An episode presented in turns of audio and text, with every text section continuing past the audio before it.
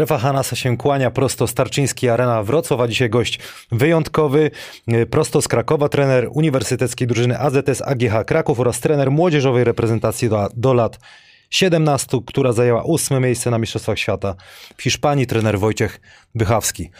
Witam serdecznie. Witam wieczór, trenerze, bardzo mi miło, że trener y, przyjechał, bo to coś czuję, że będzie ogień dzisiaj. No, zobaczymy. No, wiadomo, że e, nie zawsze e, to, czego oczekujemy, się przekłada, ale po to jesteśmy, żeby to zrobić. Tak. Mnóstwo No, jest pytań do trenera, bardzo duże zainteresowanie, bo z tego co y, słuchamy z taką dziewczyną ostatnio jakiegoś podcastu, to było chyba świeżo po Mistrzostwach tak, tak, Świata. tak, to jest, Powiedział trener taką rzecz, że jest trudny w obsłudze, czy łatwy w obsłudze. Zaraz Nie, tak raczej trudny. Trudny w obsłudze. trudny, tak. No i co, co to znaczy? To jest- są kontrowersje. To myślę, że chodzi o to, że przede wszystkim to, o czym mówiłem, przede wszystkim to, że e, zawsze mówię to, co myślę i raczej nie gryzę się w język, może czasem za szybko nawet. A druga rzecz jest taka, że no, mam już pewne przywry swojego charakteru, takiego zadziornego i takiego, powiedzmy sobie, niepokornego, na którym pracuję, bo to też wszystko utrudnia życie. Ja sobie zdaję sprawę z tego. To nie jest tak, jak wielu ludzi myśli, że jestem niepokorny, bo, bo to lubię i to jest modne. Nie, po prostu taki mam charakter i dlatego właśnie mawiam, że jestem trudny w obsłudze. Natomiast myślę, że, że jeżeli gdzieś tam y, trafiam na właściwych ludzi, to, to ta współpraca się udaje. No jedno jest pewne, muszę pracować z ludźmi o zupełnie odmiennym charakterze. Myślę, że jedyną osobą charakterologiczną, z którą współpracuję, która jest w stanie mocno gdzieś tam, może nie tyle okiełznać, ale wpłynąć na to, jak, jak, jak to wygląda, to jest mój najbliższy współpracownik Piotrek Biel, którego pozdrawiam, który ma też mocny charakter i on tam gdzieś potrafi mnie sprowadzać też na ziemię w trudnych sytuacjach, yy, gdzieś tam, ale to też na zasadach takich, że to jest dotarte przez paręnaście lat, więc to możemy, to, to wygląda w ten sposób i, i, i, i, i tak jest, natomiast no, ludzie, którzy ze mną pracują, mają niełatwo. O, Mi się tak to powiem. Y, Obowiązki wobec partnerów. Y, Trenerze, zanim zaczniemy rozmawiać o Winner, zakłady bukmacherskie. Dzisiaj porozmawiamy sobie chwilkę y, o reprezentacji Polski i o tym, czy wygramy nasz pierwszy mecz na Eurobaskecie z, z Czechami. Praise the wear i koszulka dla trenera, ładnie zapakowana przez panią Ole. Mam prośbę, dziękuję żeby Koc mógł to otworzyć. Ładnie, Otwieram, tak, jasne. Jest to wszystko nagrywane. O, rewelacja. Ale jest paczuszka. No aż mi żal, szczerze powiedziawszy, to odrywać, żeby nie zniszczył, powiem uczciwie, ale... jakąś nie, na pewno, tylko szkoda niszczyć, albo bo jest... No Wrocławiu. tak, no jak, o kurczę.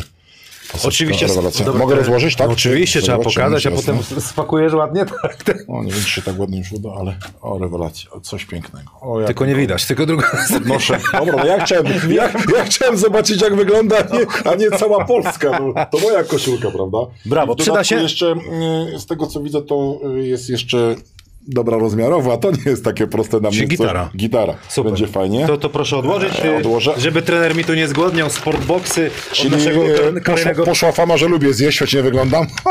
Każdy lubi zjeść. Koktajl gruszkowo-pietruszkowy będzie tak trochę zdrowe. Oraz, oraz uwaga, sportboxy. Zobaczmy. O Jezu, fruwa, tu sałatka owocowa z miętą, czekoladą i orzechami. Nerko. Pięknie, Ale dziękuję. to ja, będzie- też, ja też się odwdzięczę. Bardzo szybciutko mam prezenty dla Naprawdę? Ciebie. Tak jest. Ja naprawdę. Tu od nas uczelni koszuleczka taka firmowa nasza z AGH. Myślę, że rozmiar też będzie. Dziękuję. No Postaraliśmy mi tak się. trochę tam... Poprzez... Parę kilo poszło. Do... Ale myślę, że myślę, że się, myślę, że się Nie, zmieścisz jeszcze super, to bardzo ładna, czarna A tu nie- prosto z Mistrzostw Świata jeszcze ręczniczek. Ręczniczek? Tak jest, Andaluzja. e, takie, Pięknie, były. dziękujemy, Także To taka pamiąteczka, myślę, że z Mistrzostw Świata fajnie. Będziemy o, się tym, To... będziemy o tym mówić. Sportsmedic można kolano co? Naprawić? Tutaj ręcznik się... Czyściutki. On jest oryginalny, nie Hmm? był używany, także jest, jest, jest y, oryginalny, nieruszany, więc to myślę, że można. Informacja też y, dla kibiców, bo wiele osób pyta o co się dzieje z polskim koszem, z portalem. To sobie tutaj pozwolę przeczytać, y, bo dostałem taką informację. Praise Group, który, który jest zaangażowany w produkcję strefy Hanasa i Publikon Sport, wyłączny partner marketingowy PZPN, przejęli serwis polskikosz.pl. I warto dodać, że Szymon Sikorski i Kajetan Maćkowiak to wielcy koszykarscy zajawkowicze, którzy chcą zrobić dużo po- pozytywnego szumu wokół koszykówki. Więcej szczegółów pierwszego września. Ogólnie rzecz biorąc, y, będzie nowa ekipa, która będzie tworzyła redakcję Polskiego Kosza.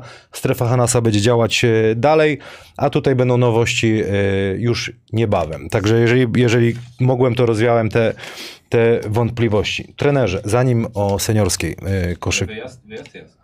Wyjazd jest, no jedzie 10 osób chyba, czy tam ileś, ja też jadę do, do Pragi. Trener jedzie do Pragi, czy trenujecie? Nie, no ja za dużo czasu poświęciłem w ostatnim czasie dla pracy z kadrą i tutaj obowiązki klubowe nie pozwalają mi. Za, naprawdę bardzo dużo czasu w ciągu ostatnich dwóch, trzech lat e, poświęciłem temu wszystkiemu i muszę troszeczkę zająć się tym, co, co robię u siebie, bo, bo gdzieś może mi to umknąć. Także za, za dużo by tego dobrego było, może tak. Trenerze, od czterech lat, mówię teraz o tej kadrze do lat 17, która zdobyła, zdobyła zajęła ósme miejsce. Od czterech lat już y, trener jest przy tej ekipie. Tak, od samego początku, tak naprawdę od 13 roku życia ci chłopcy ci od tej kadry naborowej, my pracujemy z nimi y, w odrobinę zmienionym składzie, bo tak naprawdę zmieniali się tylko fizjoterapeuci, bo to wiadomo, że, że gdzieś tam jest bardzo e, gorący, gorący zawód, gorący temat. E, natomiast e, sztab trenerski był ten sam, także tak, 4 lata praktycznie pracy do Mistrzostw Europy, które były tak naprawdę challenge'em, bo wiadomo, że pandemicznie nie odbyły się Mistrzostwa Europy, aż po Mistrzostwa Świata. 4 lata praktycznie pracy. I to było wywalczone, wywalczone w Bułgarii, w tak, Sofii? w Sofii. W Sofii. Wygraliśmy Challenger, bo tam zamiast Mistrzostw Europy w związku z pandemią, te Mistrzostwa Europy zostały podzielone na kilka tych challengerów. My ten nasz wygraliśmy pokonując Łotwę, Bułgarię, Niemców i Chorwatów. Była jeszcze w grupie Hiszpania, ale Hiszpania nie przyjechała na ten turniej z powodów covidowych. Kilku młodych zawodników miało covid, oni byli gospodarzem tego turnieju, więc wiedzieli, że mają udział zapewniony, więc po prostu nie przyjechali.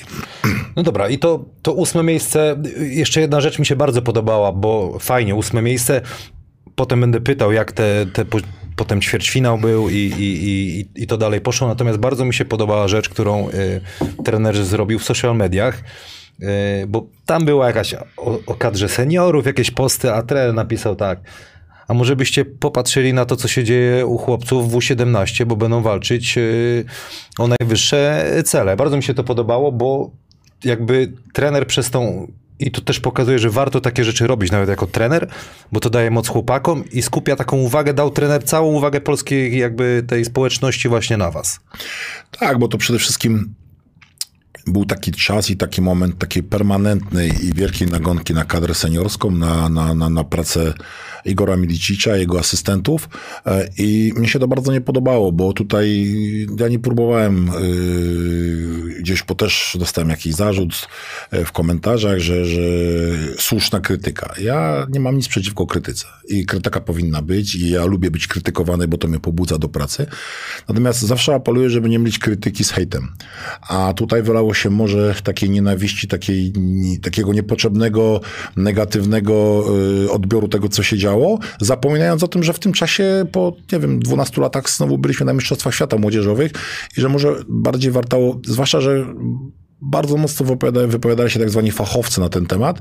I ja zawsze mówię, no skoro jesteś fachowcem i tak blisko twojego serca jest koszykówka polska, to skup się na tym, co robimy dobre. Czyli udało nam się być na Mistrzostwach Świata, udało nam się, do, udaje nam się danie dostać, przygotowywać, a nie skupiajmy się na tym, co się nie udaje z seniorskiej reprezentacji. Wiemy doskonale, że nie jest tak, jak sam mówisz, pewnie będziemy do tego wracać, nie jest tak, jak być powinno pewnie, natomiast najłatwiej jest, kurczę, skakać na pochyłe drzewo, a może warto skupić się na tym, co jest dobre i poczekać, aż, aż gdzieś tam wszystko wróci do normy albo będzie wyglądało tak, jak powinno. Bardzo mi się to nie podobało i dlatego chciałem troszkę to przekierować, a poza tym też było mi trochę smutno, bo jednak ci chłopcy odwalili kawał dobrej roboty na czym challengerze, zrobili fajny sukces, uważam, tym awansem i jakoś tak troszeczkę przeszliśmy do tego tak, jakbyśmy, odniosłem przez moment wrażenie, że zaczęliśmy to traktować tak, jakbyśmy na tych mistrzostwach świata byli jak Hiszpanie co roku, bo, bo a ja, żeby nie mieszać wątków, powiem tylko tyle. Hiszpanie zajęli drugie miejsce na Mistrzostwach Świata, przegrali z Amerykanami. Ja widziałem zdjęcia z szatni, jak tam przyszli zawodnicy Garbachoza, prezes Federacji Cabeza, inni gracze, którzy byli. Ja widziałem, jak oni wszyscy się naturalnie cieszyli. I, i to można by powiedzieć, że oni zdobyłem albo zawsze złoto, albo srebro. Ale oni się naturalnie cieszyli. I to jest właśnie ta różnica, którą ja często widzę. My nie potrafimy się... Ja wiem, że nie byliśmy wicemistrzami świata. Okay, ale my nie potrafimy się cieszyć z niczego, co nam się uda zrobić fajnego, tylko my od razu mówimy, a, ósme miejsce, nie musimy być czwarci, no mogliśmy być trzeci, drudzy, pierwsi, ale przez 12 lat nie byliśmy na Mistrzostwach Świata. No, To taka polska... no ale czemu? Cieszmy się, bo dobra, nie byliśmy, jesteśmy. Okej, może za 4 lata zdobędziemy znowu medal, może się uda. No, Drugi, te, drugi, Patrzmy na dru, to, drugi tak. też y, jakby tak wątek jest taki, że to jednak czuję ja osobiście, chociaż ja ch- chciałbym łączyć ludzi, że to środowisko w Polsce jest tak podzielone, bo zaczęło się tam od y, tak trochę y, prezes Piesiewicz, Gorta, Dwaczyński, serial z brać, braćmi Ponitkami, że to tak ja na, napisałem takiego tweeta kiedyś, kurwa, przepraszam, że my wszyscy zawodnicy powinniśmy się trzymać razem, nie? A tu jest tak trochę, to się wszystko kuźwa rozjechało. Zgadza się 100%. Ja teraz powiem i to znowu będzie popularne, niepopularne. Mm. Bardzo dużo jest y, pretensji do, do federacji, do Polskiego Związku Koszykówki, do prezesa Piesiewicza. Powiem tak, pracuję łącznie przy kadrach 7 albo 8 lat życzyłbym sobie, żeby to, co my w tym momencie dostajemy, tak jak wygląda praca kadr, na warunki polskie, żeby tak mogło funkcjonować. Naprawdę, życzyłbym sobie. Jednocześnie e, dodając, że tak naprawdę wszystko, co możemy w naszych warunkach, dostaliśmy od federacji i o to również, żeby nas w odpowiedni sposób wynagrodzić, zadbała federacja, za- zadbał prezes Piesiewicz. Ale mów, idąc krok dalej, żeby nie było, bo ja wiem, jaki będzie odzew tego zaraz, to powiem, że byłem mega szczęśliwy, że na naszych meczach pojawiał się Aaron Cel e, w Hiszpanii na Mistrzostwach Świata. Adam Walczyński był na wszystkich praktycznie meczach z całą rodziną, kibicując z nami. Tam nie było żadnych tematów politycznych, tam nie było No, żadnych podziałów. Był Adam właśnie. Waczyński, który kibicował, był e, e, Aaron Cel, który był na meczach i który dużo ciepłych, fajnych słów powiedział e, e, do tego wszystkiego. Wszyscy to widzieli i tak to wyglądało. Po co? Co do e, tutaj braci Ponitków, mówię, niezwykle szanuję obydwu panów i tu na, to w ogóle nie ma o czym dyskutować. To są sprawy poza tym, żebym w ogóle mógł o tym myśleć. Jest mi smutno, że jest, jest jakiś konflikt i coś się dzieje, natomiast to nie jest w ogóle nie do dyskusji dla, dla ludzi mojego pokroju. Ale to, co powiedziałeś, te wszystkie wątki powodują, że my się dzielimy, a nie łączymy. Zamiast naprawdę w polskiej koszykówce od paru lat dzieje się nieźle. Ja wiem, że jest dużo problemów i tak dalej, ale ja naprawdę pracowałem od dość dawna ze stażami e, e, w kadrach i tak dalej i naprawdę, naprawdę było smutno. W tym momencie mamy wszystkie młodzieżowe reprezentacje w dywizji utrzymane. Lepsze, gorsze mecze, e, ale mamy utrzymane. Dawno tak mieliśmy drużynę. Słuchajcie, to jest rok, w którym mamy wszystkie kadry w dywizji A i Nasza drużyna U17 była na Mistrzostwach Świata. Sięgając pamięcią, ja nie przypominam sobie takiej sytuacji.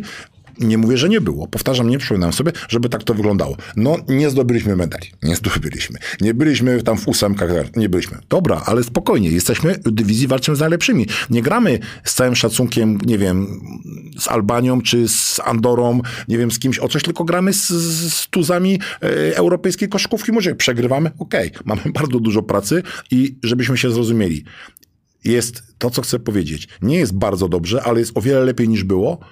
O wiele lepiej pracujemy w klubach i o wiele większe szanse są na to, żeby to zbudować. Pewnie o tym coś jeszcze powiemy. Ale jak będziemy się ciągle dzielić i ciągle mieć pretensje o wszystko, co robimy, to nie no zrobimy trzeba- to nic. trzeba- nie zrobimy trzeba- nic. Bo to każdy będzie miał swój świat, każdy będzie miał swój pomysł i każdy będzie rozdzierał swoją stronę. A gdzie y, jest środek złoty do tego, to nie wiem, bo tak samo wspomniany y, Marcin Gortat, przecież to jest też y, osoba, która zrobiła tyle dla polskiej koszykówki, tyle dla, dla, dla, dla rozwoju tej dyscypliny i, i, i, i też uważam, że, że no, to niewyobrażalne dla mnie jest to, żebyśmy nie, nie, nie, mogli korzystać z, z wiedzy i doświadczeń takiego No właśnie, człowieka. oby, no, oby, jak, oby, jak się to, oby się to kurde wszystko jakoś ten... To jest absolutnie konieczne. Przecież to są, to są naprawdę nie mamy, nie mamy 25 zawodników, którzy grali, yy, 25 Polaków, którzy grali w NBA, No tak? właśnie. Czy mieli doświadczenia, to widzieli. No, no dlatego, ale to krok po kroku No to, bo, co mówisz. No. bo, bo o tym, co, co trener powiedział, że wszystkie są w dywizji A, e, chłopaki e, robią transfery, będziemy o tym e, rozmawiać, ale żeby to się jeszcze przełożyło na... Trener ma się przesunąć? Żeby to się przełożyło właśnie na to, żeby później... Panie Adamie, no pan, tak? kurde. Dobrze, Dobra jest. okej. żeby to wszystko się przełożyło, te sukcesy powiedzmy młodzieżowe, bo, bo ja bym tak to nazwał, żeby ci chłopcy stanowili o sile reprezentacji Polski. To jest największy problem. I to też y, wiem, że jak ja interesuję się też y, dosyć mocno światem takim sportowym, trenerskim i patrzę też na to, jak to jest w innych dyscyplinach. I to w Polsce jest największy problem, również w piłce nożnej, bo siatkówka jakoś sobie fajnie z tym radzi, e, ale, ale, ale przede wszystkim w koszykówce ten transfer młodego zawodnika do, do tego wieku seniorskiego. Jest gigantyczny problem, ale to jest przede wszystkim związane z odwagą. Tak powiem i odważnie też powiem o tym, że to jest z odwagą trenera, trenerów, y, klubów i działaczy. A nie musielibyśmy szukać przepisów, nie musielibyśmy na siłę zmuszać kogoś do tego, żeby grali Polacy czy młodzi Polacy i tak dalej, gdybyśmy mieli większą cierpliwość. Y, U nas jest tak, że jak młody trener czy trener młody na dorobku zacznie pracę, to yy, ma tak krótki ląd, że z reguły 3-4 mecze go nie ma. No, szukajmy tutaj dalej. Marek Popiołek, fajna praca, moim zdaniem, yy, w Radomiu. Ciach Prach, nie ma go. Przychodzi ten z zagranicy i ten ląd wydłuża się czterokrotnie. Czemu tak jest? Nie umiem tego zrozumieć. I tak dalej, i tak dalej, i tak dalej. No to teraz idąc na logikę, to jeżeli taki trener dostaje szansę, i on ma zacząć wprowadzać młodego zawodnika do gry, który wiadomo, że będzie popełniał błędy i wiadomo, że nie będzie tak gotowy jak dorosły zawodnik. To on to zrobi? No nie, bo on też patrzy na swoją karierę. Też jak to mawiał mi jeden trener, mam kredyt, mam dom do spłacenia, ja muszę się na tym y, skupić, więc tego nie zrobimy. Gdybyśmy w tą stronę bo to możemy dywagować zaraz pewnie o szkoleniu, tego brakuje, tamtego brakuje. Słuchajcie, jeżeli nie gramy, to się nie ogrywamy. Jeżeli się nie ogrywamy, nie da się nauczyć, słuchaj, Jasiu, wskoczysz do basenu, się nauczysz pływać. No, no nie da rady. No jak ma zawodnik się nauczyć grać wśród seniorów, jak on wśród seniorów nie gra? Bo co, narysujemy mu to? No możemy wszystko narysować. I to jest problem. Jak nie uporamy się z tym kłopotem mm, tego, żeby w realny sposób y, dawać szansę tym ludziom, być może to będzie nas kosztowało trochę, nie wiem, jakiś mały krok w tył, być może to będzie nas kosztowało mały spadek poziomu, ja sobie z tego zdaję sprawę, ale jak nie wystartujemy z tym, to my nigdy tych ludzi nie wdrożymy, bo u nas młody zawodnik to jest jak ma 24 lata, a w Hiszpanii jak ma 17, to już jak nie jest do gry w koszykówkę, to już jest do grania w jakichś tam amatorskich ligach, albo go nie ma. A to nie jest Proste. też trochę tak, jak, jak słucham, że trzeba szybciej tych młodych chłopców traktować jak dorosłych. No zdecydowanie, Prawda? ale my cały czas się, my cały czas się rozczulamy, my cały czas, e, słuchajcie, e, gigantyczny problem w krajach właśnie, jak nie wiem, Turcja, Hiszpania, Francja, tam w U20 to, to jest kłopot, no bo no, kto, U20 to jest senior, to on gra w Eurolidze, on nie gra, ma. on nie ma jaki U20, U20-latek w, jakim, w jakich mistrzostwach Europy, kurczę, on gra w tym momencie w Eurolidze, w Eurocupie, w Lidze Adriatyckiej, czy tam w ACB, jak gdzieś jest. I on, on, musi funkcjonować w takich miejscach, no jak on nie funkcjonuje w takich miejscach, to go nie ma, gdzie on, on będzie marnował czas i pieniądze podatników na U20, no bez tu, sensu. Tu, tu trenerze jest pytanie od Michała Jaczyńskiego, a nie uważa trener, że szkolenie zaczyna się znacznie niżej, a PZ Kosz nie robi nic w wojewódzkich związkach? Ja odniosę się do, do, do tego szkolenia, bo tutaj ja bardzo bym chciał uciekać też od polityki, bo, bo, bo, bo tak jak mówię, Szkolenie musi się zaczynać o dużo, dużo wcześniej niż się zaczyna u nas i my musimy nad tym pracować, tylko że my też musimy sobie zdać sprawę z tego, że to, o czym już wspominałem, konieczna jest rywalizacja, tylko na czym my się skupiamy. Jak widzę grupę dziesięcioletnich dzieci grających ze sobą w koszykówkę i konieczność obecności tam, nie wiem, y, dwóch sędziów, którzy y, przerywają każdą akcję, bo dzieci robią kroki, to nie, że jest wina sędziów, tylko po prostu oni poradzą te zawody.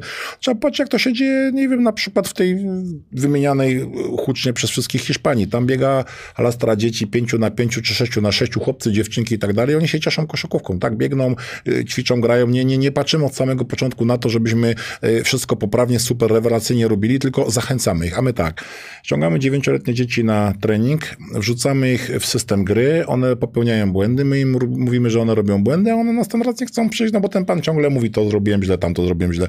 Zachęćmy go może i nie martwmy się tym, że jakieś złe nawyki yy, będą problematyczne, bo u 9-10-letniego dziecka to nie jest problem z nawykami. My go potem nauczymy tej techniki, która jest konieczna, nad którą musimy pracować, ale najpierw zachęćmy dzieci do pracy, e, do treningu, a potem, potem to jakoś kwalifikujmy. A czy federacja, są programy, bo przecież są pro programy młodzieżowe y, y, PZ Kosza, które pomagają to też nie jest takie proste, żeby, żeby, żeby gdzieś przebić się. Prawda jest taka, najlepsze dzieci w Polsce idą grać w piłkę nożną, trochę słabsze e, w siatkówkę, e, silne i sprawne do piłki ręcznej, a na samym końcu idą do koszykówki. No żeby to zmienić, to musimy na tym popracować wszyscy wspólnie, żeby trochę więcej tych dzieci przyszło. Jak przyjdzie więcej tych dzieci, to będzie konkurencja. Będzie konkurencja, będziemy się mieli między kim przepychać łokciami. Inaczej będzie problem, będziemy tkwić w tej małej grupie, na siłę i będziemy, będziemy sobie tłumaczyć, czy mamy stać strefą, czy nie mamy stać strefą. Ludzie, miejmy 10 drużyn, niech to się wszystko między sobą gryzie, będziemy musieli nikomu mówić, żeby stał strefą. No i wracamy też do tego, co rozmawialiśmy parę, parę chwil temu, że też u góry musi, musi grać ta, ta właśnie, że my wszyscy jesteśmy razem, nie? A jak rodzice patrzą, oni się tam kłócą, o co tam chodzi w ogóle, nie? Właśnie odchodzi, ale to no tak, że my szukamy, szukamy inaczej. My szukamy nie w tym miejscu profesjonalizmu, w którym trzeba, bo wśród takich małych dzieci to powinna być zabawa, która powinna te dzieci cieszyć, a jak ta zabawa e, zacznie te dzieci cieszyć i my zaszczepimy w nich tą koszykówkę, to ja daję słowo, że każdą niedoskonałość techniczną, którą przeoczyliśmy na etapie, nie wiem, 8-9 latka, to my ją nadrobimy. Naprawdę, nadrobimy ją i damy radę. Jak zaczniemy potem pracować jeszcze z fizyką, z wszystkim, to będzie to, co trzeba. Jak nie będziemy mieli materiału, to jaki byśmy nie mieli program, jaki byśmy nie mieli trenerów z całego świata, to nie będziemy w stanie nic zrobić, bo nie będziemy mieli z kim. No to jest proste. Super. Y, ustaliliśmy, że ósme miejsce to sukces y, i to gratuluję trenerowi jeszcze raz, natomiast nie było podjazdu do Litwy, tak szczerze. Yy, I no bo się te, nie zgodzę. Powiem no 73, ja pytam, 73-44, jak ja, to ja, wyglądało? Ja wyjaśnię, jak to wyglądało. My przede wszystkim y, dwa sparingi z Litwą w Starogardzie, które graliśmy, wygraliśmy, wygraliśmy. w dosyć sposób zdecydowany. I tutaj początek meczu był bardzo mocno dla nas i my ten mecz, w ten mecz weszliśmy dobrze. Przepraszam, wygraliście kwartę 17 do 13. Zgadza się, weszliśmy w ten mecz bardzo dobrze, y, y, czuliśmy ten mecz fajnie, tylko niestety w tym meczu wydaje mi się troszeczkę, mm, tak jak starałem się zawodników przestrzegać, przestrzegać cały czas. My się naprawdę bardzo wystraszyliśmy tego, że my możemy wejść do czwórki. I gdzieś było widać po nas, że to gdzieś uciekło y, y, trochę, trochę takie, taka... Mm, może nie wola zwycięstwa, tylko taka, taka pewność tego, że możemy ten mecz wygrać. I dlatego on po prostu po kawałku zaczął uciekać. No, gdzieś tam parę takich strat y, głupich, powiedziałbym, bo ja te straty też, y, mówię do zawodników, dzielę na mądre i głupie, bo mądra strata to jest taka, że wrzucę piłkę w auto albo zrobię kroki, piłka jest u sędziego, mogę ustawić obronę, a głupia strata to jest dla mnie to, jak ktoś yy, straci piłkę na zero i tracę punkty. I my mieliśmy tam dwie czy trzy takie straty, a potem przestaliśmy w to po prostu wierzyć, więc ja uważam, że z całym szacunkiem dla Litwy, która była bardzo mocna i ten mecz wygrała, wygrała zdecydowanie, to do nich naprawdę mieliśmy, yy, mieliśmy podejście, tak samo jak mieliśmy podejście do Australii, z którą przez długi czas graliśmy dobrze, a do Serbii to nie mieliśmy o czym rozmawiać. I to, i to mówię od razu uczciwie, że tutaj mogę powiedzieć śmiało, e, z podniesioną głową, że tam nie było w ogóle o czym rozmawiać, bo to była klasa w każdym elemencie, mimo że, że, że byli trochę osłabieni na tym meczu. Trenerze, yy kto z tych chłopców ma największe papiery na granie? Bo tutaj ja sobie pozwolę powiedzieć, zasięgnąłem y, języka. Y, Szymon y, Nowicki wybiera się do Hiszpanii, do Realu Madryt.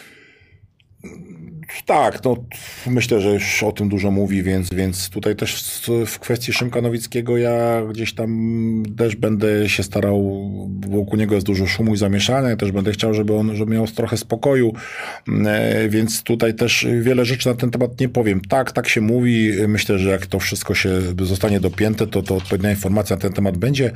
E, a wracając do pytania, to, to, to, to no niebywały talent, no to chłopiec, który ma bardzo fajne warunki fizyczne i bardzo duże umiejętności już, mhm. ale przede wszystkim ma to, co jest najistotniejsze w koszykówce, ma głowę i charakter. Ma charakter i głowę, bo on, e, on podchodzi do koszykówki inteligentnie. On wie o co chodzi, czuje to mm, na boisku i, i bardzo dobrze się z nim pracuje, więc to na pewno jest zawodnik, który, który jest perspektywiczny. Tutaj w ogóle w tej grupie jest kilku graczy, którzy, którzy, którzy naprawdę mają możliwości. E, na pewno jest Kuba Schumert, który też grał świetne zawody, też ma bardzo fajne warunki fizyczne. I to też jest chłopiec, który może, ale też jest Mateusz sam jest, który gra w szkole. Mhm. Też jest e, Janek Nowicki, który naprawdę w Poznaniu bardzo fajny sezon przed nim, tak myślę, bo pierwsza liga, dużo możliwości i jest w bardzo fajnym miejscu i mm, w bardzo fajnym gronie trenerskim. Nie wiem, nie, nie, nie, nie pomijałbym tu Kajtka Kuczawskiego, mimo że tam warunki fizyczne zarzucają narzucają mu wszyscy e, problematyczne, ale z kolei ma serce i charakter, e, więc, więc mówię, Marcin Kosiorowski, mieliśmy trzech młodszych graczy, którzy, którzy, którzy rokują fajnie, którzy potem bardzo fajnie pomogli Łukaszowi Kaspercowi w, w utrzymaniu dywizji, więc ten rocznik był niebogaty w ilość zawodników, ale naprawdę kilku fajnych, ciekawych e, chłopców się e, w tym gronie e, przewinęło. I ja wierzę, że to nie był przypadek, że oni, znaczy wiem, że to nie był przypadek, bo, bo uczestniczyłem w tym, dostali się na te Mistrzostwa Świata i naprawdę fajnie na nich walczyli. I uważam, że potencjał każdego z tych chłopców powinien być pielęgnowany i, i wykorzystany, bo, bo to nie jest przypadek, że wygraliśmy challenge z mocną niemiecką drużyną, która miała graczy, o których się wiele mówiło, czy, czy z drużyną chorwacką, bo no nie często ogrywa się Chorwacja i awansuje się do, do, do Mistrzostw Świata. E, a warunki fizyczne mieliśmy naprawdę gorsze.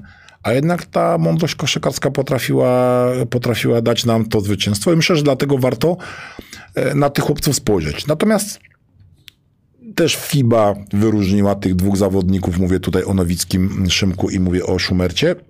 Nieprzypadkowo eksperci gdzieś tam się na tym y, pochylali, bo przede wszystkim oni mają też świetne warunki fizyczne do gry w koszykówkę, nie ma co ukrywać. Y, dobrze ponad dwa metry, fajne ciało do budowy, skoczność, dynamikę, ta elastyka tego ciała i, i, tutaj gdzieś jest duża szansa na to, że oni naprawdę mogą, mogą, mogą przy dobrej pracy zrobić fajną karierę ja wiem, że nie, ja wiem, że nie ma co pompować balonu, ale fajnie to brzmi, że chłopiec będzie grał w Hiszpanii. Tutaj, jeżeli dobrze y, trener może mnie poprawić, mówi się o Sternickim, że do Włoch pójdzie, o Samcu do Portugalii.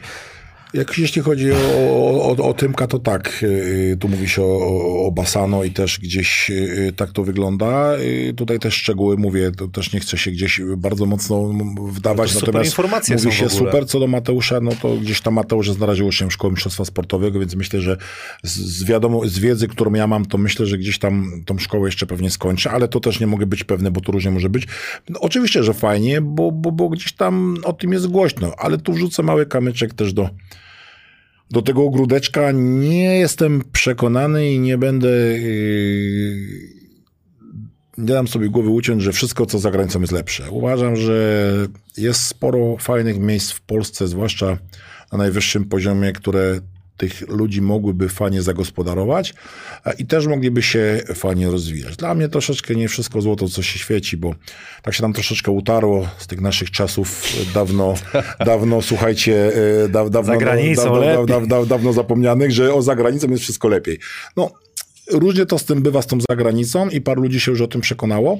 Natomiast ja się cieszę, że są dostrzeżeni, ja się cieszę, że będą się mogli rozwijać, a też bez względu na to, co się będzie dalej działo, to i moim obowiązkiem, i ludzi, którzy pracowali, czy pracują w szkole centralnej, i zrobić wszystko, co w ich mocy, żeby dbać o to, żeby oni się mogli rozwijać, żeby z nich była korzyść docelowa, czyli no, reprezentacja Polski seniorska, rozgrywki europejskie, jakieś takie, żeby no, było coraz mocniej o nas, bo wtedy może ci młodzi ludzie też będą oglądając, tak jak ta teraz oglądają e, czy, czy, czy Mateusza Ponitkę, czy, czy Adama Waczyńskiego za granicą, czy Marcina Grotata w czasie NBA, to żeby oni się z tym identyfikowali, chcieli iść w, to, w te, te ślady, e, a nie żebyśmy tylko widzieli dzieci biegające w koszulkach Ronaldo i kopiące piłkę. No.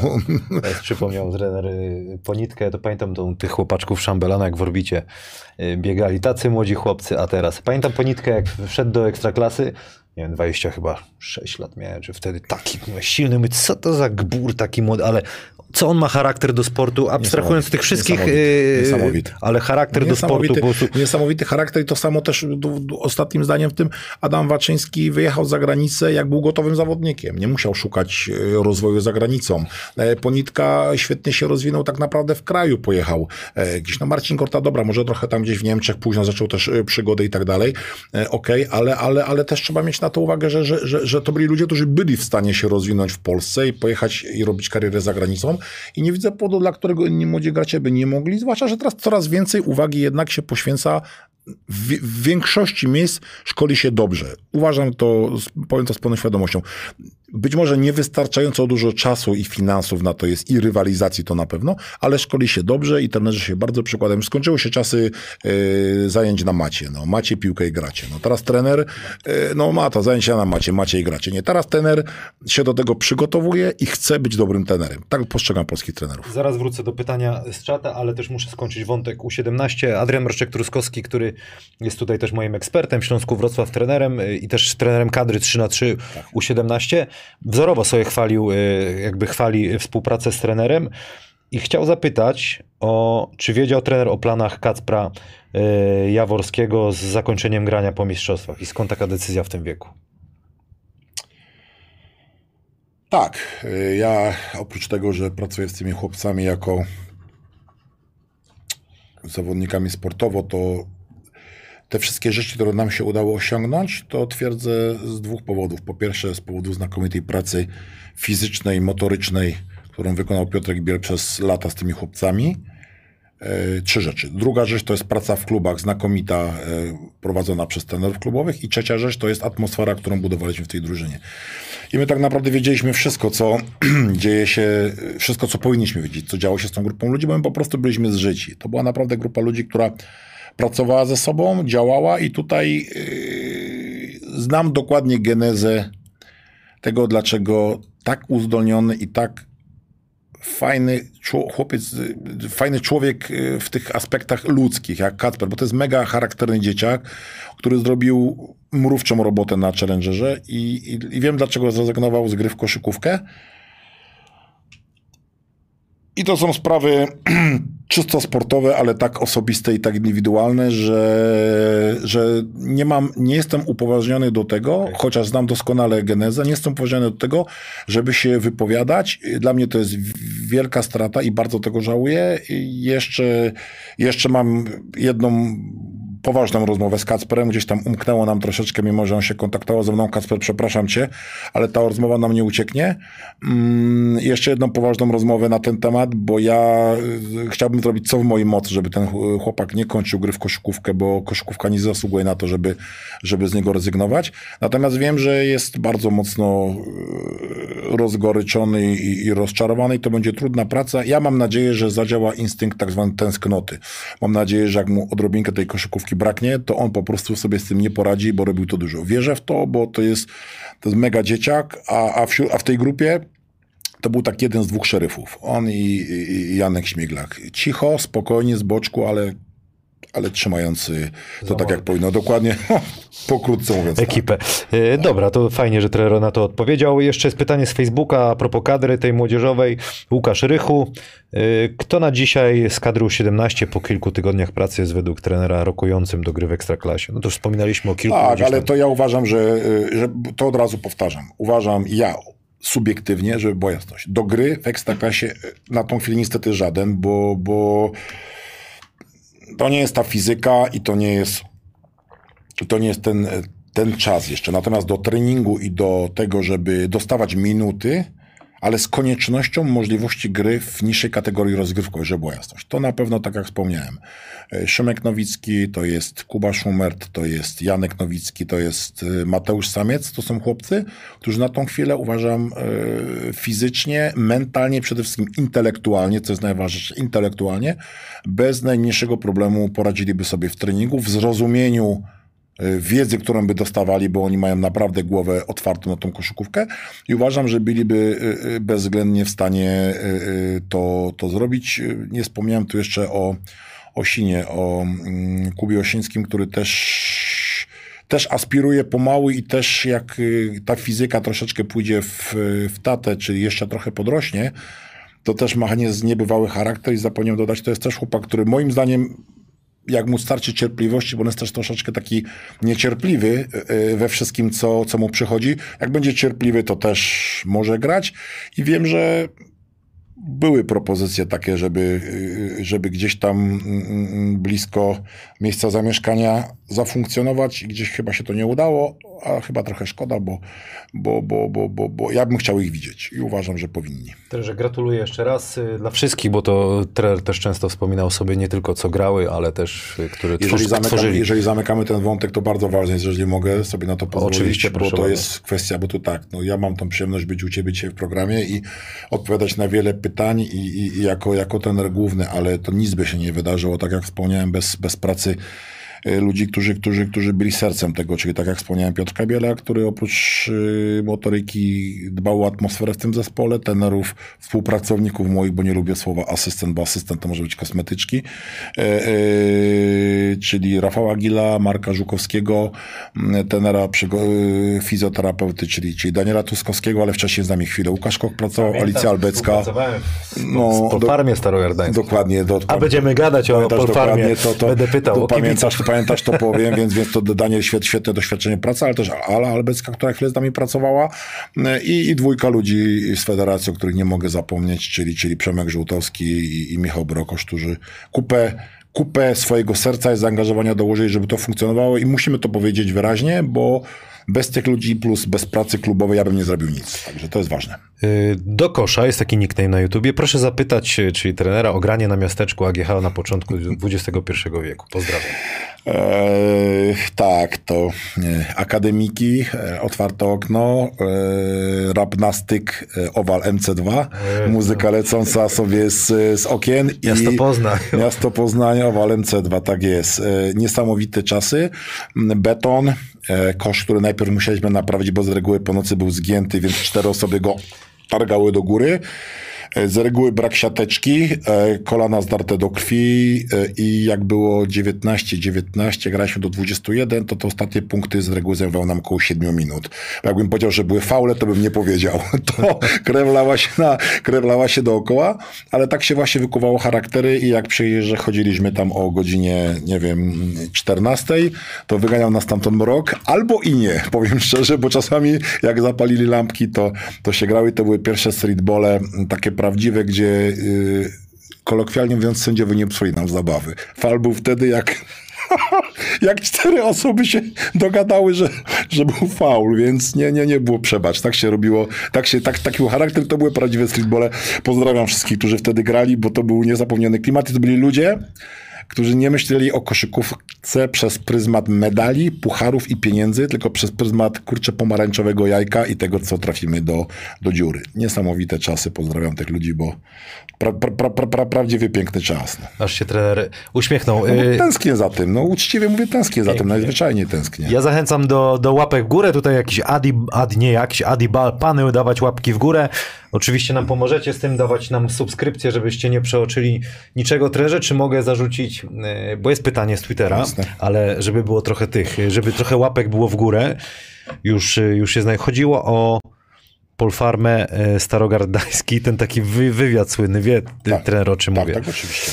Y, Wtedy zadam to pytanie, jeżeli będzie na przykład 150 łapek w górę, to trener opowie, co się działo na meczu, chyba to nie Całkowicie. pierwszy raz, tylko kilka Całkowicie. razy to trener przeżył, nie? Całkowicie. Znaczy w, akurat w, w, w Starogardzie przeżyłem to raz, bo tam byłem raz na meczu, natomiast zdarzały się też takie rzeczy i tu To poczekamy. no, musi być 150 łapek, bo to trudny temat. 150 Także- łapek w górę i coach odpowie, jak to było w tym y, Starogardzie Gdańskim, bo porównał kibiców y, z tego miasta do kibiców, którzy przychodzą na mecze Krakowi z Wisłą.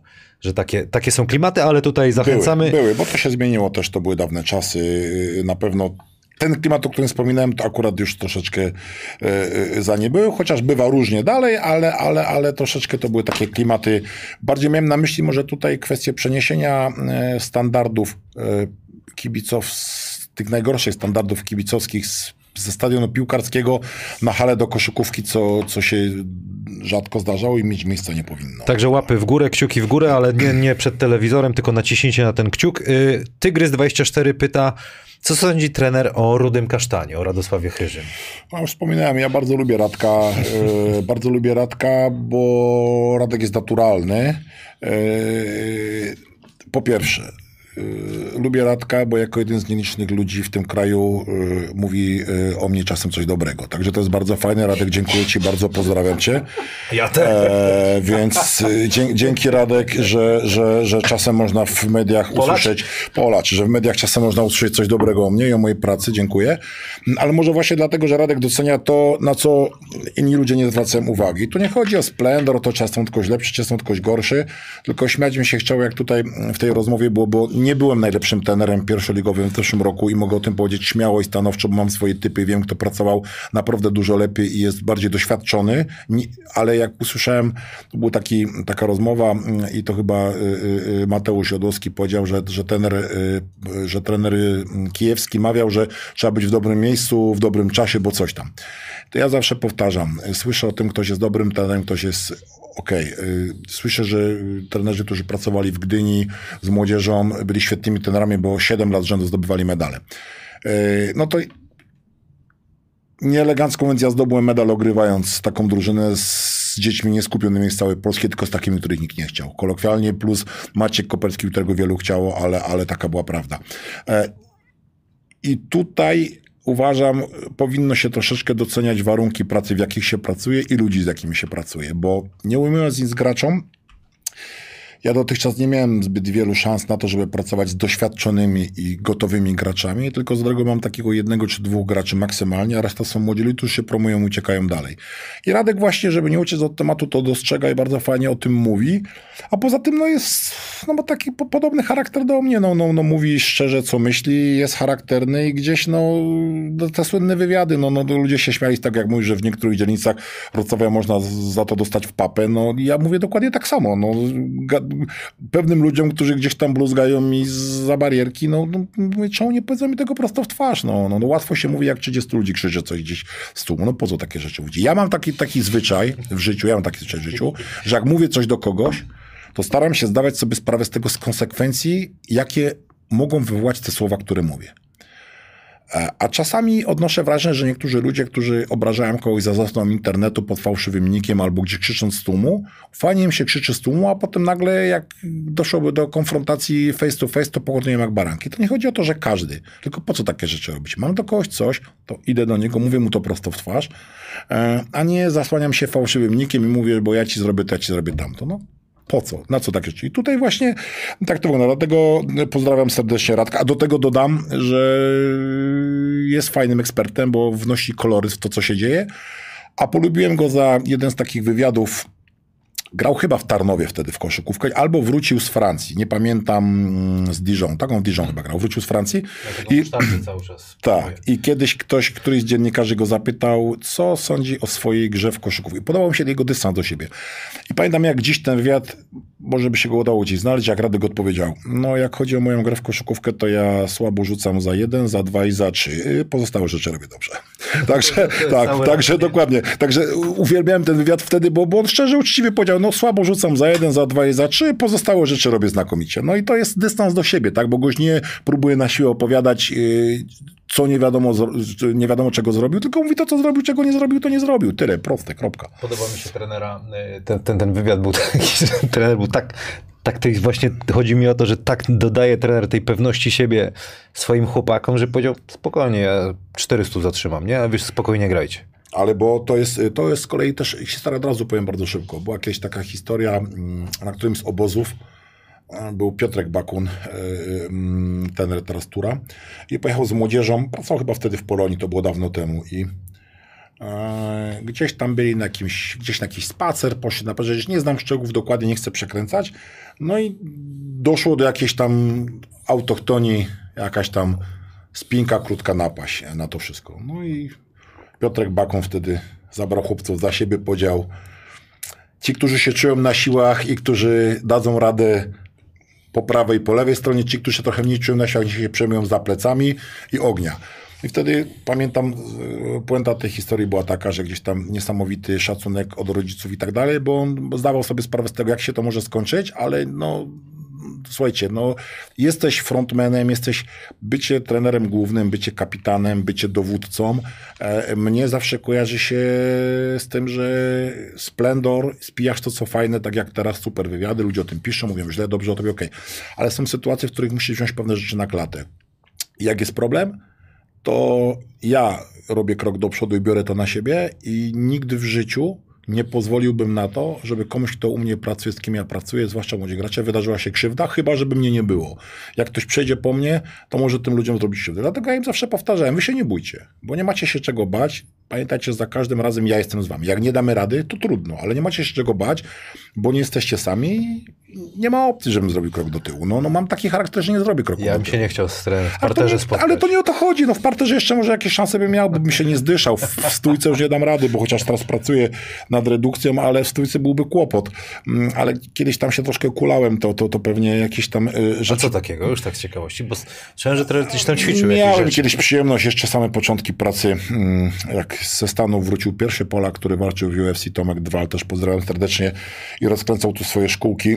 w Krakowie to tam 2-3 lata się gdzieś z takim moim kolegą Kubą Haszczakiem miałem okazję kulać u Tomka, ale to tak bym bardziej nazwał, bo to bardziej byłem jego manekinem do przerzucania z moją techniką użytkową i z wrodzonym talentem do sportu, mhm. ale miałem okazję gdzieś tam troszeczkę potronować, poćwiczyć e, e, e, to, to takie MMA jeszcze prawdziwe, wtedy uczciwe, które, które, które polegało na czymś, ale to było bardziej amatorka i, i też z bardzo dużym dystansem do siebie, dużo, dużo przyjemności miałem z czerpania z tej wiedzy i z tego takiego bycia światowego, bo Tomek Drwal wrócił wtedy ze Stanów yy, z bogatą wiedzą, walczył w UFC, yy, kontakty z Daną White'em, szefem UFC. To był człowiek taki, który, który wyniósł takiej dużej świeżości sportowej do tych sportów walki wtedy w Polsce i jego się też fajnie słuchało i on miał też fa fajnie, bo to też wykształcony człowiek po, po AWF-ie i on też metodycznie fajnie wdrażał do sportu i charakterologicznie i potem kilka razy nawet gdzieś tam wiem, że, że gdzieś tam niektórzy trenerzy w Krakowie y, zabierali czasem zawodników do Tomka, jak nam narzekali, że ciężki trening na przykład, bo biegamy trenerze trzeci dzień i Rafał Knap kiedyś zabrał ich do Tomka Dwala i Tomek Dwal im zrobił godzinę treningu i oni powiedzieli, nie, nie, nie, było super, no bo, no bo my w sportach zespołowych e, wydaje nam się, że ciężko trenujemy. To ja zapraszam jak trenują lekko atleci, jak trenują zawodnicy sportu walki, jak trenują zawodnicy w MMA. Ile biegają, ile ćwiczą i jak mało za to dostają i oni mogą powiedzieć, że ciężko pracują. My się zbliżamy do ciężkiej pracy. Zawodnik młody w koszykówce przebiegnie cztery razy pod górkę i albo wymiotuje, albo mówi, że nie da rady, albo odpowiada, że on y, jest od grania, nie od biegania. No litość boską. Chłopie, zmęcz się trochę, yy, zawalcz swoim ciałem. Czasami ten trening nie jest po to, po co biegniemy pod górkę po kamieniach. Nie po to, żebyś ty zrobił zdrowie, bo może go zrobisz, może nie, tylko po pierwsze, żebyś złamał swój charakter, że pod tą górkę wybiegniesz, a po drugie, jak staniesz koledze na stopie, to możesz sobie skrzywić nogę i tak samo jak staniesz na kamieniu, który wystaje, to możesz sobie skrzywić stopę. Ucz się biegać między kamieniami, nauczysz się biegać między nogami. Prosta zasada. Więc mówię, wracając, y, już teraz nie, trochę formy nie ma i to też nie chodzi o to, żeby gdzieś tam propagować jakieś tutaj szumne e, e, sprawy, natomiast, natomiast, natomiast nie ma potrzeby, y, y, nie ma potrzeby mówić złych rzeczy i mówić o konfrontacji, bo to nie o to zupełnie chodzi. Natomiast charakter trzeba mieć i, i, i trzeba, trzeba siebie szanować, tak myślę. Mam już 100 łapek, 50 łapek jeszcze i trener odniesie się do sytuacji w, w Starogardzie Gdańskim na meczu. Jest taka słynna konferencja, y, można na Twitterze moim znaleźć, a zresztą to to wrzucę trenerze. Zakłady bukmacherskie Winner i zawsze typujemy sobie yy, meczyki. Będziecie mogli yy, wytypować po zakończeniu tego odcinka, kto wygra pierwszy mecz na Eurobaskecie, czy będzie to Polska, czy będą to Czechy, 20 zł dla 10 najszybszych osób, ale to na sam koniec odcinka. Trenerze, co się dzieje, jakby trenera opinia po tych meczach z Chorwacją i Austrią przed tym Eurobasketem? Ja na pewno widzę, byłem na meczu e, z Chorwacją e, w Warszawie. E, miałem tam okazję, przyjemność zamienić kilka zdań z, z, z, ludźmi, którzy, którzy są blisko, blisko kadry ze, ze stafu. Ja uważam, że idzie to w dobrą stronę i, i ten mecz z Chorwacją już był dobrym meczem. Oczywiście przegraliśmy go, przegraliśmy go w sposób taki, że, że, że, że naj, najbardziej bolesny, bo byliśmy w meczu cały czas i cały czas dawaliśmy radę. Mhm. Natomiast kurczę, ja mimo wszystko w dalszym ciągu bym e, e, chciał, żebyśmy sobie zdawali sprawę z tego, że cztery ostatnie akcje, które rozegrał Simon i to, co zrobił Bogdanowicz i Jezonia, to nie są rzeczy e, inaczej. Ktoś napisał gdzieś jakiś wywiad, czytałem, który jest dziennikarzy, że z ociężałą Chorwacją. Rzeczywiście, oni wyglądali lekko ociężale, to widać, że oni są przed sezonem. To widać, że ci ludzie się przygotowują do przygotowań. I to po nie widać. Tylko, że Bogdanowicz z tym lekkim tak zwanym e, ciężarem, jak e, robi te rzuty po obrocie z odchylenia, życzę dużo zdrowia. One lecą, żeby wpadły. I tak samo Ezonia, który grał słabszy początek meczu, on stał w tym rogu i ten Simon, który e, penetrował, który jest mózgiem tej drużyny, dla mnie niesamowity, to samo co w Anadolu. Gość, który penetrował, to biegł na pusty kosz, ale zobaczył na biegającego obrońcę podał do rogu. Dlaczego? Bo są wypracowane schematy, są wypracowane zachowania. Um, uciekło nam to, ale byliśmy już dość blisko. Fajna wygrana z Austrią, może trochę słabszą, ok, ale też budująca ja bardzo mocno wierzę w to, że, że ta drużyna, y, że ta, że, nie może być tak, żeby się tyle wszystkiego złego skumulowało. I ja uważam, że ta drużyna odpali na Mistrzostwach Europy. Uważam tak dlatego, bo tak bym chciał, bo, bo to mówi mi serce. Kurczę, nie potrafię tu wypowiedzieć rozumem, czy jakieś analizy, że tu słabiej, tam lepiej. Nie, kurczę. Yy, uważam, że odpalimy i dam radę na tych Mistrzostwach Europy yy, i, i, i pogramy fajne mecze, bo myślę, że stać nas na to i opowiadanie, czy będzie grał Statorański, czy nie będzie grał Statorański, nie ma dla mnie żadnego znaczenia. My mamy robić swoje, a nie patrzeć, kto będzie grał. Są przebłyski, to takie naprawdę konkretne, bo nawet jak patrząc, jak Sokołowski broni, jak, jak Bogdanowicz, to w ogóle niczym się nie różnił, nie?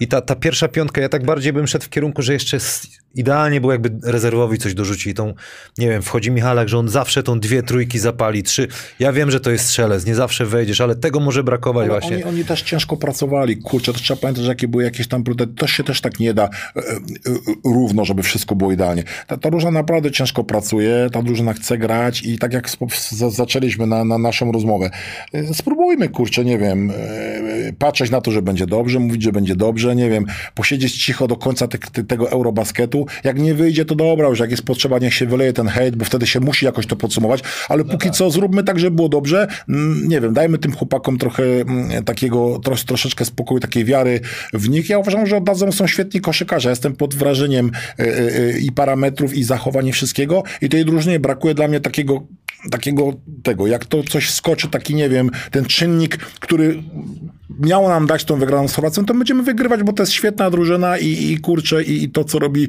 Mateusz Ponitka na boisku, kurczę, em, Slaughter też złapie e, e, formę, bo przyjdzie na to czas niedługo i to będzie super wyglądało. I ja w to wierzę mega i, i, i kurczę, ci ludzie muszą grać. Muszą grać, to się musi udać. No to co, to zabawmy się, kto wygra e, ten pierwszy mecz, Polacy czy Chor- Nie ma w ogóle innej możliwości. Wygrają Polacy w wyniki, nie chcę się bawić, bo tutaj w zależności to są dyspozycje dnia. Bawimy się, trenerze, bawimy, się.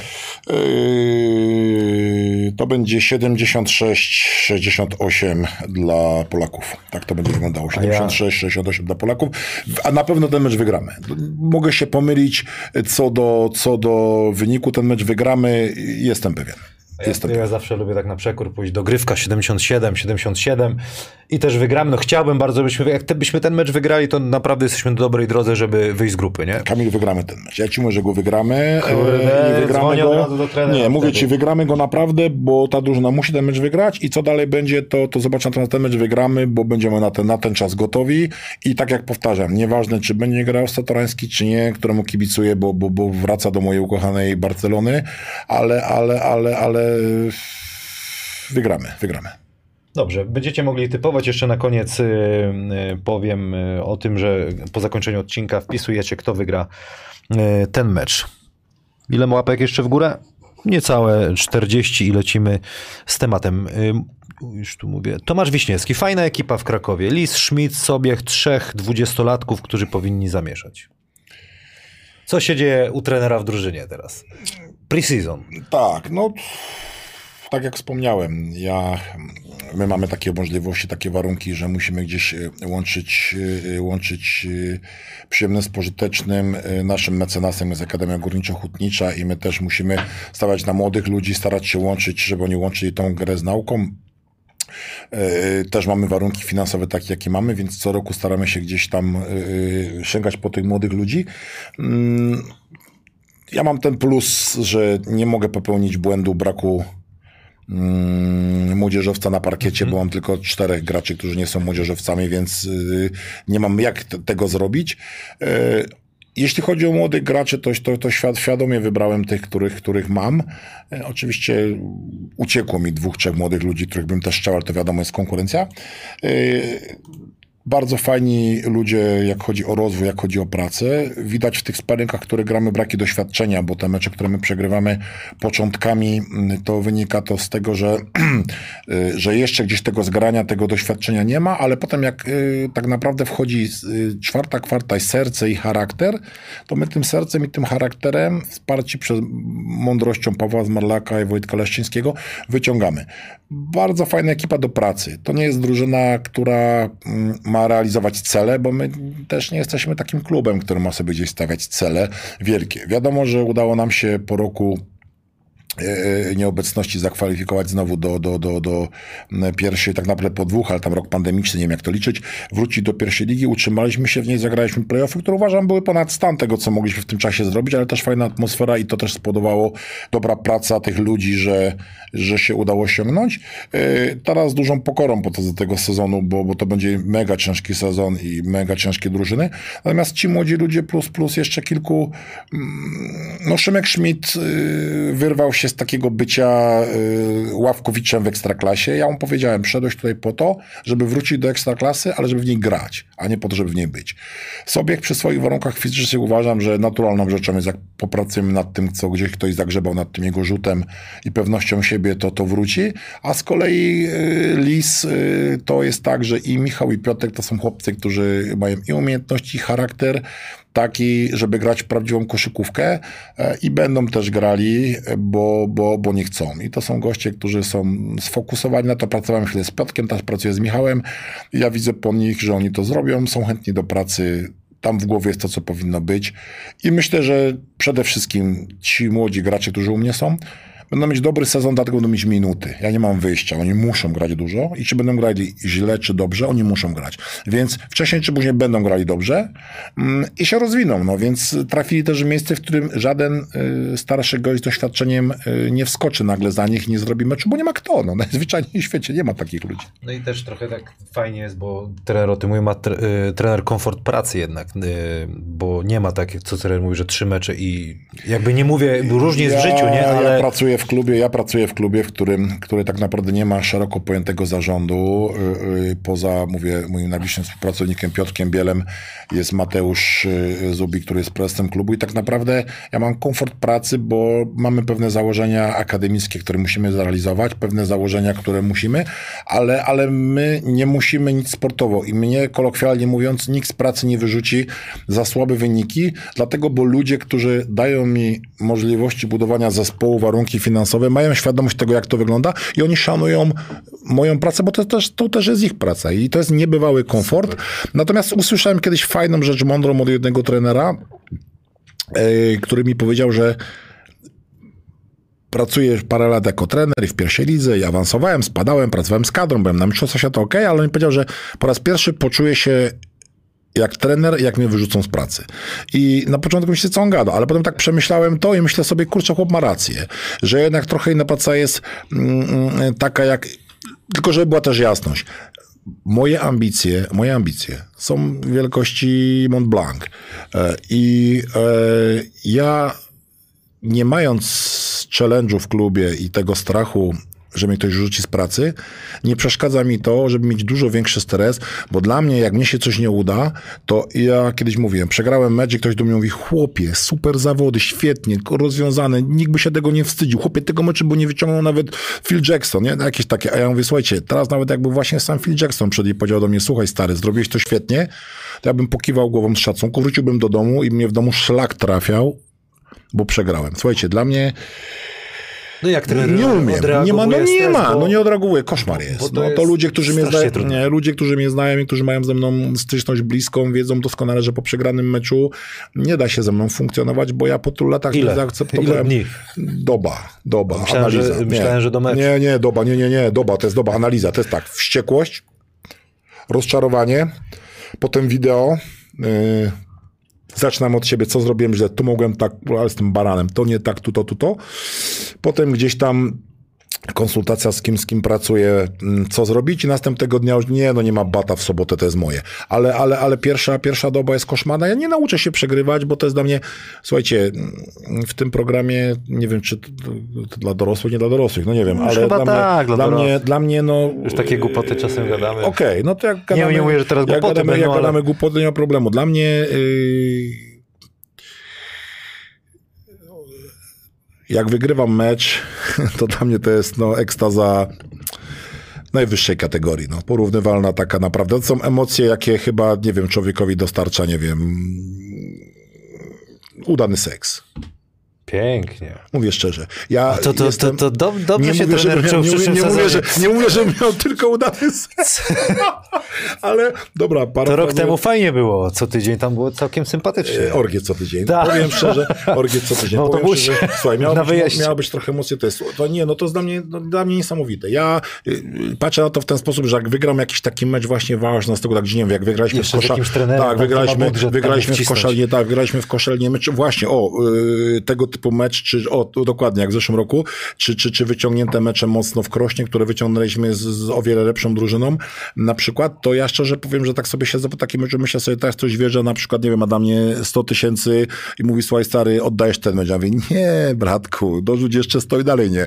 Tak mnie to, dokładnie, tak mnie to po prostu, to jest ale to ja, ja wiem, jak wygrywam mecz, to ja po prostu gdzieś, ale wiem, co to znaczy, że jak przegrywam. I tak samo sparring. Zaczyna się teraz okres przygotowawczy, słuchaj, ja przegrywam mecz i co z tego? Wszyscy mówią, nie, no taki czas, taki, ja mówię, co jaki czas? Mówię, Jaki czas? Przegrałem mecz, ale każda przegrana czegoś się uczy. Czego mnie uczy? I dopiero coś tam, a za chwileczkę, pff, no dobra, stary, coś tam, nie? E, Pytałem trenera o, o ten, jak trener odreagowuje, jak trener powiedział o wideo po meczu, te 24, widziałem jak się trener tak zacisnął usta, odpalił się, to odpala się trener mocno na wideo do chłopaków, jak coś źle zrobią?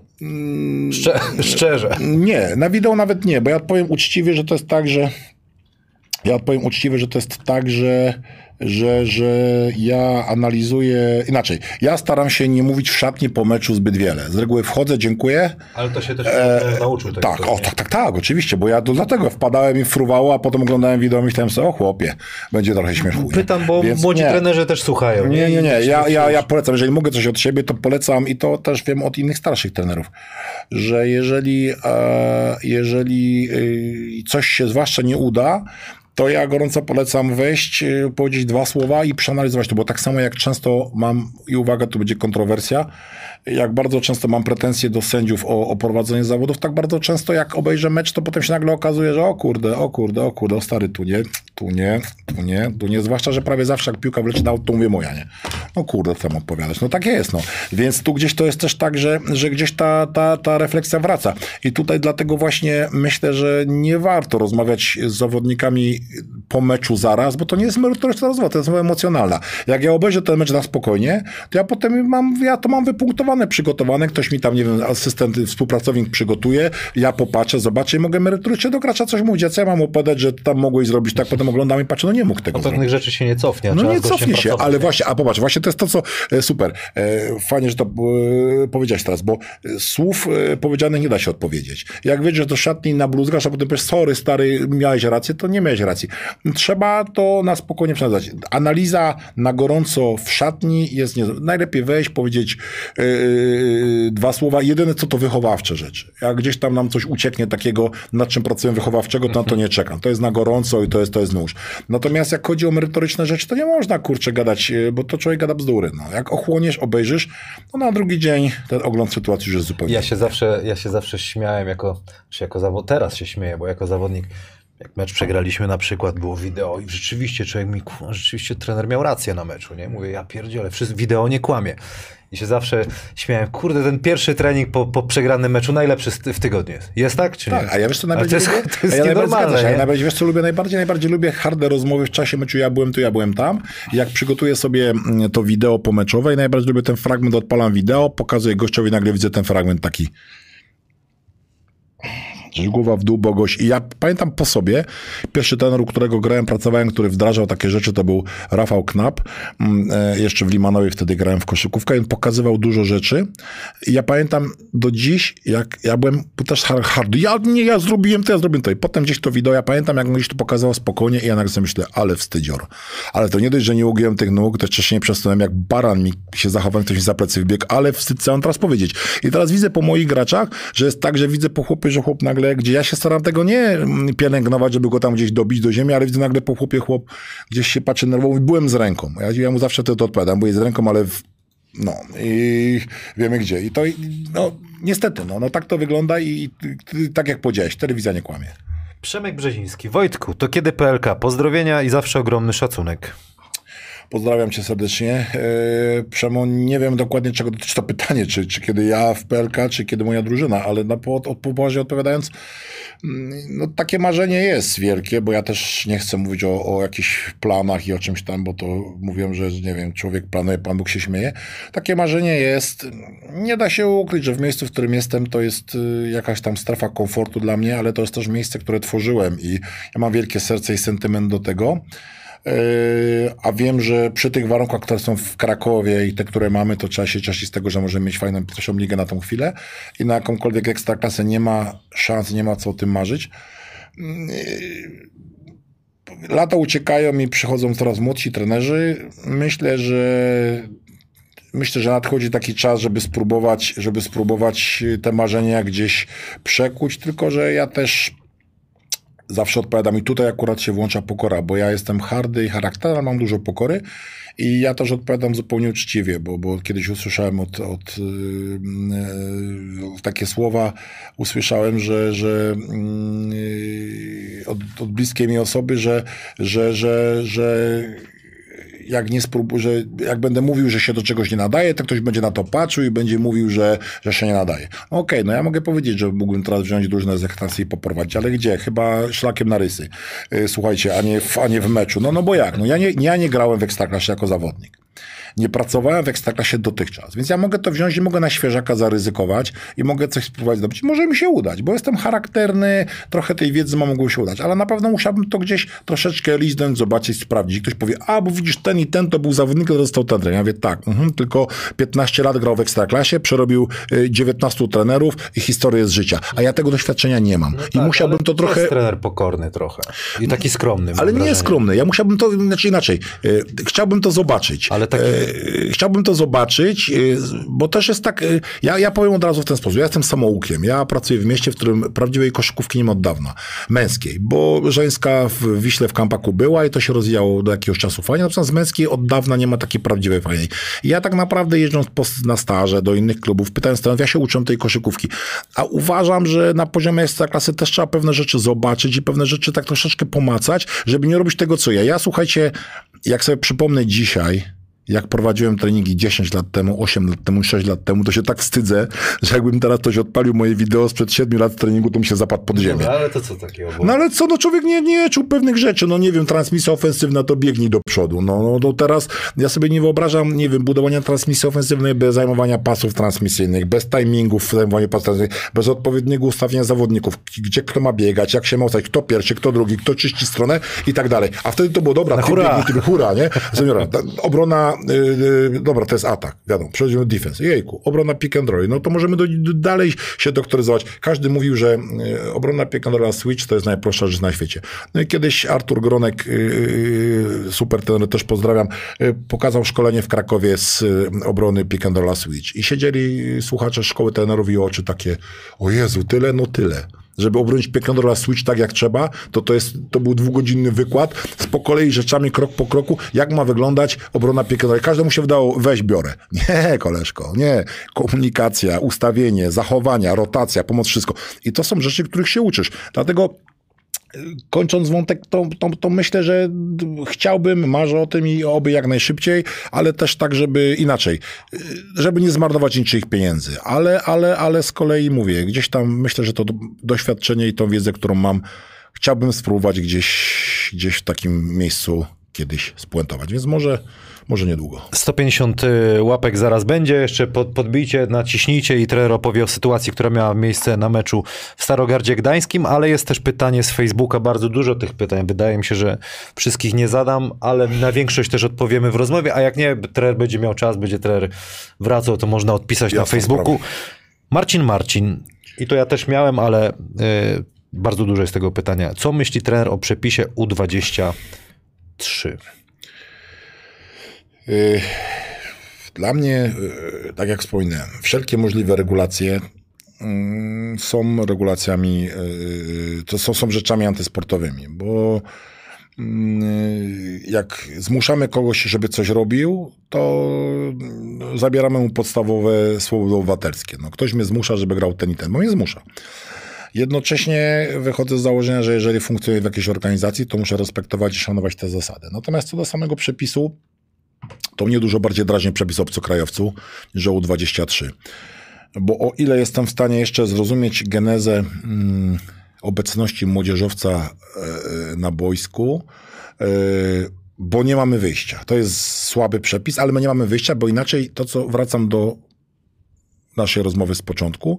Nie mamy na tylu odważnych trenerów i nie mamy na tylu odważnych klubów, które nie bałyby się stawiać na młodzież, żeby to młodzież rozwijać. Więc co robimy? Dajemy przepis, bo skoro boimy się, to musimy dać przepis, żeby grali. Natomiast dla mnie to jest, dla mnie to jest przepis lepszy od przepisu z obcokrajowcami. Dlaczego? Odpadam pokrótce. jak usłyszałem w odcinku właśnie tutaj e, z, e, e, mm, z Jodłą, dokładnie tak, i z, z Radkiem, jak ja usłyszałem, jak Jodła powiedział, że obecność obcokrajowca na parkietach pierwszoligowych poprawi komunikację i rozmowy w języku angielskim dla trenerów. To, jest to zsunąłem się, zsunąłem się, słuchajcie, zsunąłem się z krzesła, które jest, które, które zasadniczo było nie do stunięcia. Usiad, usiadłem na podłodze, myślę sobie tak. Wydaje mi się, że chyba o wiele łatwiej jest po prostu zapisać się na kurs angielskiego albo pooglądać mecze, niż gadać takie rzeczy. Ale no gdyby nie te regulacje, to by nikt się nie zapisał się, na kurs. To by się nikt nie zapisał na kurs angielskiego. Musimy... Na litość Bożą, gdzie ja słyszę teraz wywiad nie wiem, y, dziewczynki czy chłopca na Mistrzostwach Świata i, no. i, i, i, śmiga tak po prostu leci. Nie wiem, ja byłem na Mistrzostwach Świata i ja nie mówię wybitnie po angielsku, nie jestem jakimś tam, nie wiem, ale, ale y, musi być wywiad przed meczem, w trakcie meczu, po meczu, musisz się porozumieć w fotografii. Jeżeli byś nawet tego języka nie umiał, to by cię życie zmusiło, bo chciałbyś zjeść coś lepszego, to musisz powiedzieć kelnerowi, że coś zjeść, więc nie gadajmy w ogóle o jakimś języku. A dlaczego ten przepis tak bardzo podoba dlaczego się agentom, czy tego typu ludziom? Powiem dlaczego. No, no bo są czysto żywe pieniądze. A, a klubom prosta sprawa. Mam klub pierwszoligowy, chcę osiągnąć jakiś sukces. To po co ja mam pracować z młodynczykiem, uczyć go koszykówki, jak ściągnę Amerykanina, który przyjedzie i będzie rzucał sam do kosza, będzie to robił. Jeszcze mnie nie będzie słuchał. O czym my w ogóle rozmawiamy? Jak, jak, jak, I my nie mamy rozgrywających, nie mamy wysokich. Po czym ściągamy obcokrajowca i będą klepać no w wszystkich tak. klubach, którzy chcą grać o awans, będą klepać obcokrajowców. Ale no, mimo wy... wszystko dla, no. dla kibiców takich lokalnych szukam się starać też pozytywu, że jednak dadzą trochę show, bo ludzie przychodzą oglądać show, mhm. są, są jakby... Ja się z tym zgadzam w 100%, ale w takim razie zastanówmy się, chcemy robić show, czy chcemy rozwijać koszykówkę? Jest jakaś liga, w której mamy rozwijać młodego gracza? No to jak, ja, ja powiem ci, jak, dlaczego tak mówię, jak jest krok po kroku, bo to się spodoba ludziom, i krok następny będzie taki, za chwileczkę będzie dwóch obcokrajowców, a za chwileczkę będzie trzech obcokrajowców. No to zobaczymy, będziemy dalej o tym gadać. I tak będzie. A na tym się po prostu zarabia pieniądze. Najzwyczajniej zaplecze ekstraklasy powinno być miejscem, w którym powinni grać młodzi polscy zawodnicy. A ja od razu odpowiem, jak to będzie wyglądało. I życzę tego z całego serca wszystkim, którzy z tego przepisu skorzystają. Wierzę o tym doskonale, że do pierwszej ligi Mówimy tutaj o amerykańskich graczach, bo jeżeli chodzi tam o graczy, nie wiem, bałkańskich, czy, czy tak jak drużyna z Krosna Małotysza, to są gracze, którzy przychodzą do naszej ligi e, Wydaje mi się, że z szacunkiem dla tej ligi. Natomiast jeśli chodzi o zawodników amerykańskich, to do pierwszoligowych klubów przyjadą dwa rodzaje zawodników. Jeden rodzaj zawodnika to będzie taki, który przyjedzie e, i podpisze kontrakt z buyoutem. Jeżeli zagra 4 albo 5 dobrych meczów, to go e, w szóstej kolejce już nie będzie. Trener Szablowski bo, mi o tym powiedział, bo to będzie, ja nie bo biorę to będzie, nikogo, bo mi ktoś go zaraz Oczywiście, bo to jest poligon, a nie utrzymasz. Nawet jeżeli nie będzie miał buyoutu, to go nie utrzymasz, bo on przyjdzie i ci powie z wrodzoną e, amerykańską szczerością, nie będę grał cześć. Będziesz go musiał puścić to musiał pójść. A drugi rodzaj to będą zawodnicy, którzy będą przeciętni, ale wystarczająco dobrzy, żeby zabierać miejsce młodemu rozwijającemu się zawodnikowi, bo to jest, on jest doświadczony, on e, troszkę lepiej gra w koszykówkę. E, do tego dodajmy, jeżeli to będzie e, czarnoskóry zawodnik, to będzie miał dużo większe predyspozycje fizyczne, bo taka jest prawda, że mają znakomite predyspozycje do, do, do mhm. uprawiania tej dyscypliny i on będzie lepszy od Polaka. To na kogo postawimy? No na takiego, który rzuca do kosza i trafia, a nie takiego, który chciałby rzucać do kosza i trafiać.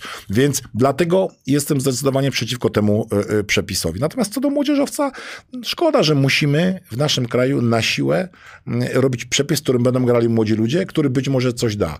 Nie wiem, czy da, bo nie umiem odpowiedzieć, ale wiem, że mm, słuchajcie, w zeszłym roku u mnie w zespole limit minut wypełniał albo Piotr Glis, mhm. albo mm, Kasper Rojek, który był pierwszopiątkowym graczem. Ja nie mam z tym problemu, bo nie było przepisu, u mnie grali gracze, którzy już w zeszłym roku spełniali przepis e, również. Pierwsze punkty w e, playoffach, e, czy pierwszy 15-latek, który zdobył punkty w playoffach, to był Mateusz Orłowski, który w Wałbrzychu trafił punkty do kosza w playoffach. 15-latek. Drugi Bartek Leśniak. Obydwaj, jeden pojechał na Mistrzostwo Świata, obydwaj byli na Mistrzostwo Europy. Obydwaj są teraz w 12 meczowej, będą dostawać ode mnie minuty. Jak się to skończy dla mnie drużynowo? Nie wiem, ale ci chłopcy na to zasługują i tego potrzebują. I nie dlatego, że jest przepis. Bo jak ja zatrudniałem młodzieżowców, to nie było jeszcze przepisu. Ja ich zatrudniłem, bo chcę z takimi ludźmi pracować. Ale nie wszyscy chcą pracować, dlatego niektórych do tego musi zmuszać przepis. Bo jak mamy zrobić? W Ekstraklasie dla nich nie ma miejsca, w pierwszej lidze dla nich będzie miejsca, to gdzie my będziemy rozwijać koszykarza? I to jest, słuchaj, miałem takiego trenera, który mówił mi, biedny, bo głupi, głupi, bo biedny. Czyli tak, nie mamy koszykarzy, bo nie grają, młodzi, a młodzi nie grają, bo nie mamy koszykarzy. No i jak mamy mieć lepszych? No dobra, no ale na przykład jeszcze trochę ten wątek Jasne. obcokrajowca. Mądry trener, świadomy trener, mając nawet młodych zawodników, może znalazłby sytuację, w której jednak nauczyłby się od tego dobrego obcokrajowca? Ja wie, zakładam, że ktoś przyjeżdża dobry, a nie tylko po to, żeby... Jakby szukam Ja tej... już. Mądry, No, dobry trener, to pracuje w takim miejscu, może z małymi wyjątkami, e, który e, pracuje w takim miejscu, które będzie walczyło o jakieś cele. A jak ktoś walczy o cele, to nie zastanawia się, kto będzie grał, tylko to, żeby ten cel zrealizować. A nie da się połączyć walki o cele z wychowaniem gracza. Z prostej przyczyny.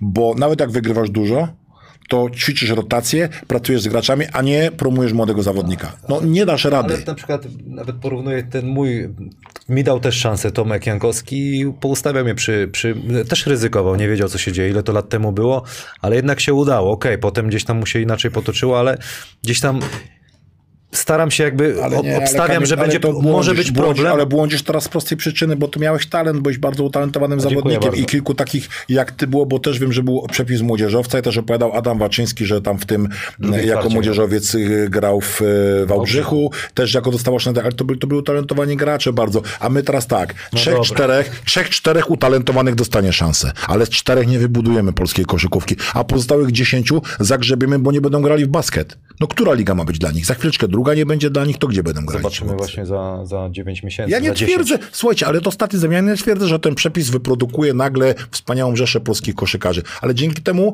ten nie będzie miał wyjścia, będzie musiał zaryzykować. Grają wczoraj sparring z WKK. Grał yy, w roli młodzieżowca, grał yy, Tomek Ochońko. grał Wilczek. Tomek Ochońko, tak jest, Tomek Ochońko, jasne. Yy, yy, on to może uczyć młodzieżowców, yy, on to powinien dawać yy, szkolenia robić z, z mądrości gry dla młodych ludzi.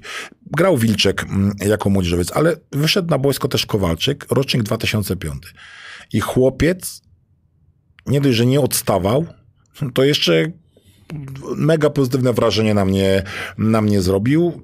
Obserwowaliśmy go w przygotowaniach, gdzieś tam czegoś nam brakło mm, w tym momencie, natomiast on zrobił na mnie niesamowite wrażenie. I być może u Sebastiana Potocznego tak czy tak on by grał, gdyby nie przepis. Ale teraz, patrząc na e, jaki mają, jeżeli nie dołączy żaden młodzieżowiec, to będą tam musieli grać, e, jest jeszcze Rosołowski, który, który, e, który gra, będą musieli grać młodzi gracze. I to jest rozwój, bo ja widzę, jak taki chłopiec przy tych graczach się rozwijał. Nie Spanowicz, bo Wilczek dla mnie to już jest gracz, który powinien być gdzie indziej. Moim zdaniem powinien być ligę wyżej. Zdecydowanie powinien być ligę wyżej, uważam. Natomiast taki gość jak, jak Kowalczyk, jeżeli on dostanie te minuty, jakie dostał wczoraj w sparingu od nas, to, to będzie naprawdę gracz, po roku będzie gracz. E, A tak jak mówię, Sebastian pewnie dałby mu grać, bo to wychowanek, on z nim pracował, okej. Natomiast wielu trenerów by nie dało takiemu chłopcu grać. A jak będą musieli, to dadzą i myślę, że zwiększy się rzesza tych ludzi, którzy nie tylko lizną tą pierwszą ligę, ale pograją w niej, a dzięki temu kurczę będą grali w normalny basket. Tak uważam. A co trener myśli o, o tym? Ja tak ob- obserwując tą, tą pierwszą ligę jeszcze jak e, grałem i schodziłem z ekstraklasy, że miałem wrażenie, że jest troszeczkę odwiedza dużo drużyny w, w ekstraklasie, co się przekłada na to, że na przykład no, nie ma wysokich zawodników e, w pierwszej lidze. Jakby to, jest, to nie jest elita w tym momencie. Ja pamiętam, jak kiedyś się grało w ekstraklasie, to czułeś, że to jest elitarne towarzystwo. Pierwsza liga, e, Ekstraklasa to w ogóle jest zawodowa liga, więc to, to w ogóle dla mnie są regulacje biznesowe. Natomiast zdecydowanie uważam, że jest za dużo, natomiast o Ekstraklasie o tyle nie chciałbym się wypowiadać, bo tak jak wspomniałem, nie mam dużej wiedzy i doświadczenia. Też uważam, że przez to, że jest tak dużo drużyn, tak ciężko jest żeby były mocne drużyny. Jest kilka po prostu słabych zespołów, które się do tej ekstraklasy nie nadają. Natomiast to samo, co mam w tym momencie z pierwszą ligą. No, mamy 18 zespołów i tak naprawdę to się tak rozciągnęło, że to jest groch z kapustą. Tych drużyn to 16 to jest absolutny maks, absolutny maks, a gdy było 14, słuchaj, ja trzy razy awansowałem do pierwszej ligi, dwa razy z niej spadłem.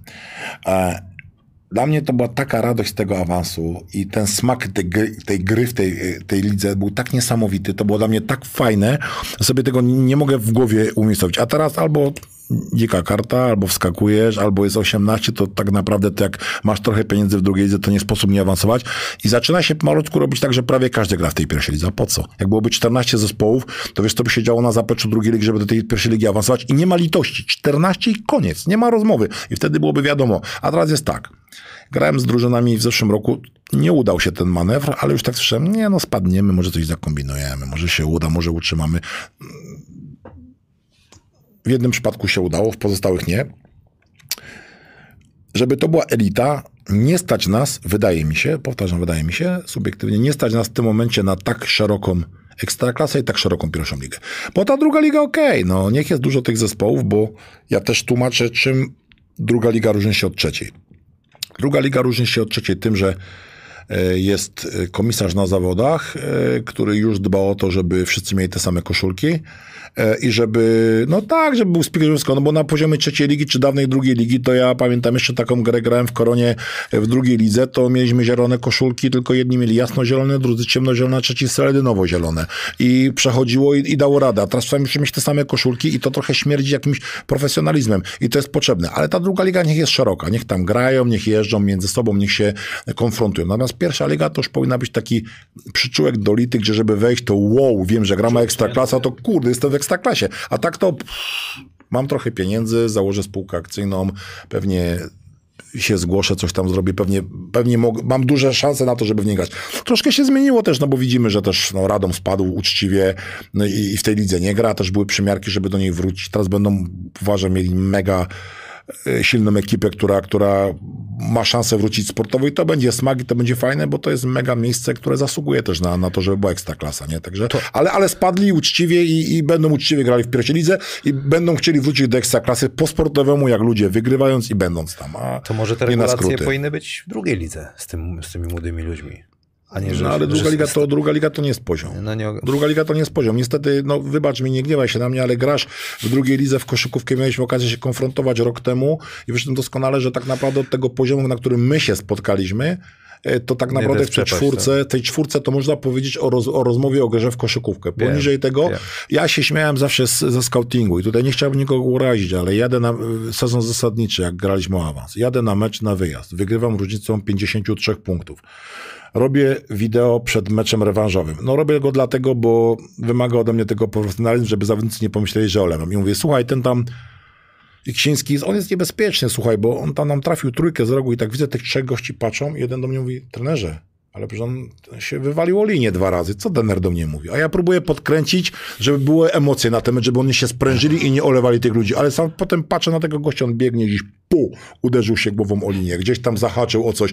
Gość albo biegnie, nie? Bez mapy, gość nie wie, w którą stronę do kontry, nie? I ja tłumaczę zawodnikom, to nie jest poziom. Druga liga to jest przyczółek, w którym albo powinni grać bardzo młodzi gracze, albo ludzie, którzy już gdzieś tam pomalutku chcą tą koszykówkę kończyć. No ale to nie machaj łapą na siebie, bo ty, bo ty prymitywizujesz koszykówkę, bo ty powinieneś grać w innej lidze w koszykówkę, tylko jesteś leniuchem ci się nie chce. Jakbyś nie był leniuchem, to mm, słuchaj, w pierwszej lidze yy, i to jest, nie ma żadnej kokieterii, to ci każdy napisze, w pierwszej lidze nie ma klubu, który by cię nie chciał, nie a uważam, a pitolisz takie opowieści. A prawda jest taka, że jakbyś popracował i zrzucił ze 3-4 kg, to byś w Ekstraklasie pograł w basket i to jest właśnie też, wiesz, wiesz dobrze, że Miło to słyszeć, ale świadomie z pewnych przyczyn zrezygnowałeś z grania w koszykówkę, nie opowiadaj historii, nie opowiadaj bzdur, stary, bo ja cię widziałem, grałem z tobą, grałem z wami mecz, słuchaj, grałem z wami mecz w, e, e, e, w Rydzynie. I chłopie, nie opowiadaj mi historii, bo to, co na boisku zrobiłeś ty, to, co zrobił nieodżałowany, kurczę, świętej pamięci Bereniu na wojsku, e, to, to są w ogóle jakieś historie, no. Ja, ja, ja po meczu byłem wściekły, że z wami przegrałem, ale co mówię? Mówię, no panowie, no szacun, no kurde, i przed trzecim meczem mówię, no, no będzie niezwykle ciężko, bo to jest tu, to jest tu. Wy może nie byliście gdzieś tam niesamowicie przygotowani, ale była bania, chłopie, i, i, i to jest to, więc nie, nie, nie gadaj takich rzeczy. W pierwszej lidze byś, chłopie, rządził. Rządził i dzielił i nie ty jeden, bo jeszcze paru ludzi też za wcześnie skończyło przygodę z koszkówką. Słuchaj, e, jak coś, pieniędzy dużo nie ma wagi ale jest wesoło. Słuchaj, jest wesoło, biegamy po lesie, zbieramy grzyby. Stary Kraków, piękne miasto. Przyjedź, pobawisz się, słuchaj. Miło, także. miło trenerze słyszeć. I dobrze się trenera e, słucha. Maksym, a nie, mamy 150 tych, 160 lajków.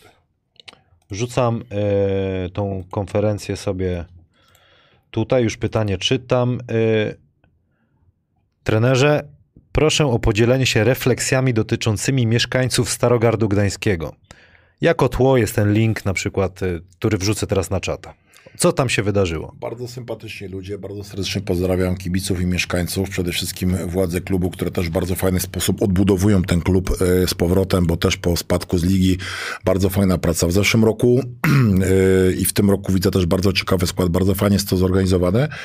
E, bardzo, bardzo serdecznie pozdrawiam tych ludzi i prosiłbym o nie generalizowanie, bo e, bardzo brzydko po dwóch czy po trzech konferencjach ktoś zgeneralizował to, co chciałem powiedzieć i bardzo cenię żywiołową publikę na Kociewiu i, i mega ciężko tam się gra przeciwnikom, tylko musimy zrozumieć jedną rzecz. Jeżeli za ławką rezerwowych siada sobie czterech ludzi, którzy tak długo jak mówią, że jestem gruby, to mi to nie przeszkadza, bo jestem gruby. No to co mam powiedzieć, że jestem chudy? No sorry.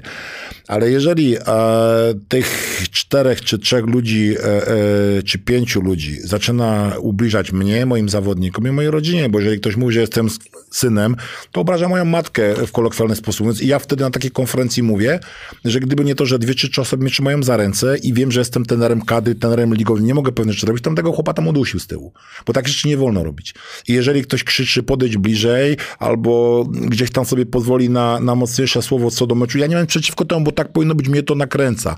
Ale jeżeli ktoś lży moim zawodnikom, mojej drużynie, bluzga, takie rzeczy miały miejsce, to ludzie z takiego miejsca powinni takiego gościa wyprowadzić i więcej go na tym hale nie wpuszczać, bo przez dwóch czy trzech ludzi buduje się e, e, obraz całej społeczności, która świetnie kibicuje. Są bardzo fajni ludzie. Byliśmy tam na meczach reprezentacji, mega fajnie e, przyjęci w klubie, mega fajnie przyjęci w mieście. Wszystko wyglądało tak, jak trzeba. I, I, nie gadajmy o takich rzeczach, bo to są tak samo fajni ludzie, jak w innych częściach Polski, tak samo fajnie kibice. Tylko spróbujmy oddzielić hamstwo i prostactwo od nawet ostrego dopingu. Bo jak czasami nawet jakaś kurwa poleci z trybuny, to okej, okay, no nie udajmy, że my nie używamy takich słów w przestrzeni publicznej. Ale jeżeli E, można powiedzieć, nie wiem, za przeproszeniem tą kurwę, ale można kogoś w taki sam sposób brać. Po co? Po co tak jeszcze robić? I po co mamy przenosić, e, to jeszcze może odpalmy petardę i zaczniemy łamać barierki, jak, jak na meczach piłkarskich. Przecież takich rzeczy nie powinno być.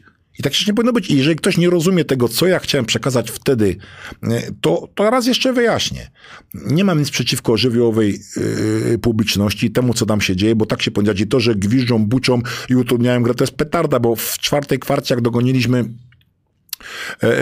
kocieckie diabły tam było na styku, to ja nie byłem w stanie się skomunikować z zawodnikami. I to jest to, co jest potrzebne, bo ja wiem, że Marek Popiołek mówił mi, że to niosło też ich jako drużynę, wszystko i tak dalej, ale niepotrzebny jest jeden czy drugi gość, który celowo siada dwa metry nad moją ławką, ludzie mnie troszeczkę już znają, wiedzą jaki mam charakter i wiedzą, że jest gość jeden i drugi, któremu nawrzuca, że on będzie udawał, że nie słyszy. Przepraszam was bardzo, ja tak nie potrafię. Może się powinienem tego nauczyć i też słyszę, że profesjonalny trener powinien, yy, ja być może yy, powinienem się tego nauczyć, że ktoś ubliża mnie personalnie, bo ja widzę, że jeżeli ktoś mówi do mnie z imienia czy z nazwiska i, i ubliża mi personalnie, to być może jest za mało ludzi na hali, albo być, być może nie prowadziłem meczów na wystarczającej ilości pełnych hal, żeby umieć zbagatelizować to, że ktoś bluzga. Bo u mnie na meczu, gdybym ja był u siebie na meczu w Krakowie i usłyszałbym, a to widać i słychać, że kibic ubliża czy wyzywa kogokolwiek z drużyny przeciwnej, to osobiście zadbałbym o to, w miarę możliwości, żeby ten kibic z tej hali wyszedł i na tą halę nie wrócił. Bo ja sobie tego nie życzę.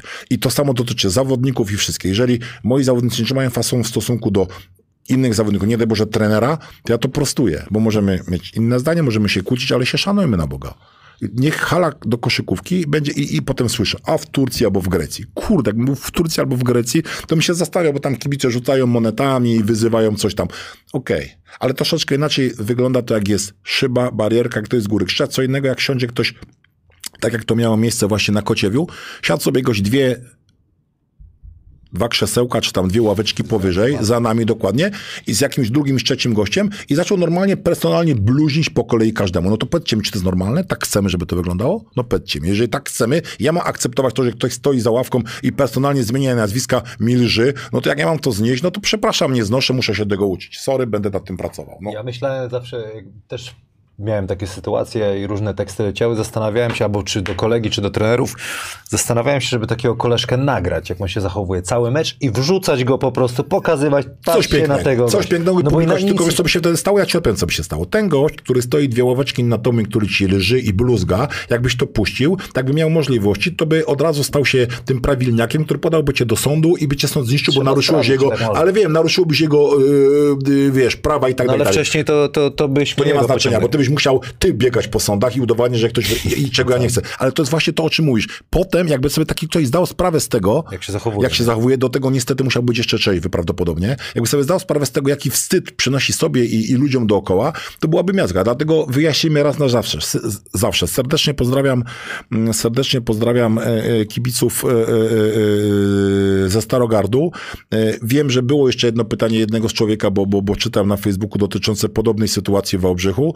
E, Bardzo cenię, Tak, tam też się- też tak, pytają bardzo, bardzo, bardzo, ce- bardzo cenię. e, Mam tam wielu znajomych i przyjaciół, e, może przyjaciół za duże słowo, ale bliskich znajomych. Bardzo cenię tą pracę, którą tam się wykonuje i dokładnie to samo, żeby nie powtarzać. E, Zachowania kilku ludzi, którzy, e, którzy szczególnie za ławką rezerwowych e, leżą i, i, i, i ubliżają, nie mogą rzucać światła na to, co dzieje się w Obrzychu, jak ludzie odbudowują koszykówkę i chcą robić. I również szanuję i ludzi, i kibiców z tego miasta i nie zmieniam zdania na ten temat, natomiast nie będę szanował ludzi, którzy mi ubliżają. I ten, kto krzyczy, że jestem gruby, to mi nie ubliża, bo mówi prawdę, Chociaż może być kłopot, bo myślę, że na mm, start ligi już będę o wiele chudszy, a, a może nawet bardzo. Zjeżdża, zjeżdża. kurczę. No dlatego mówię, że będzie fajnie, trzeba będzie wymyślić nowe przyśpiewki, ale To nie ma... łysy będą Będzie, krzyczeć. będzie łysy, ale to w porządku, nie ma pro... ale, ale jeszcze raz powtarzam, jak mówią mi siadaj gruby, coś tam, okej, no ale co mają śpiewać? Mają mnie na rękach nosić, jak jestem przeciwnikiem? Nie, ale jak ktoś mi ubliża, albo ktoś, nie daj Boże, były sytuacje po tej konferencji słynne, że w internecie incognito e, e, ktoś e, groził mi jakimiś gwiazdami na hale, na chat. No tak, były to nawet mamy, mam, mam, mam że tak powiem, screen z tego i to jest do, do, dosyć jasne. I oczywiste, to ja odpowiadam. Proszę się zastanowić, co mówicie. Z, z, naprawdę, bo internet, w internecie nic nie ginie i naprawdę nie warto takich rzeczy robić mówić ze wszech wymiarów i nie chcę tego tematu rozwijać. Natomiast kibicuję, trzymam kciuki za miejsca, w których jest, e, jest e, to tak rozwinięte i kończąc to pytanie, bo go akurat przeczytałem, e, odpowiem, nie zazdroszczę takich kibiców, że nie mamy w Krakowie takich kibiców, z prostej przyczyny, bo każde miejsce jest niepowtarzalne i, i, i to, co się dzieje w Wałbrzychu, to jest fajny doping, to jest fajna, fajna atmosfera, wszystko ok. W Krakowie też kiedyś tak było, ale koszykówka umarła, nie ma czego zazdrościć, może być jedynie żal, że, że tak nie jest. Natomiast też trzeba pamiętać, że w dużym mieście nigdy nie będzie takiego grona e, kibiców, nie będzie takiego zajawienia jednym miejscem. W Krakowie jest kilkanaście lub kilkadziesiąt klu- klubów różnych dyscyplin.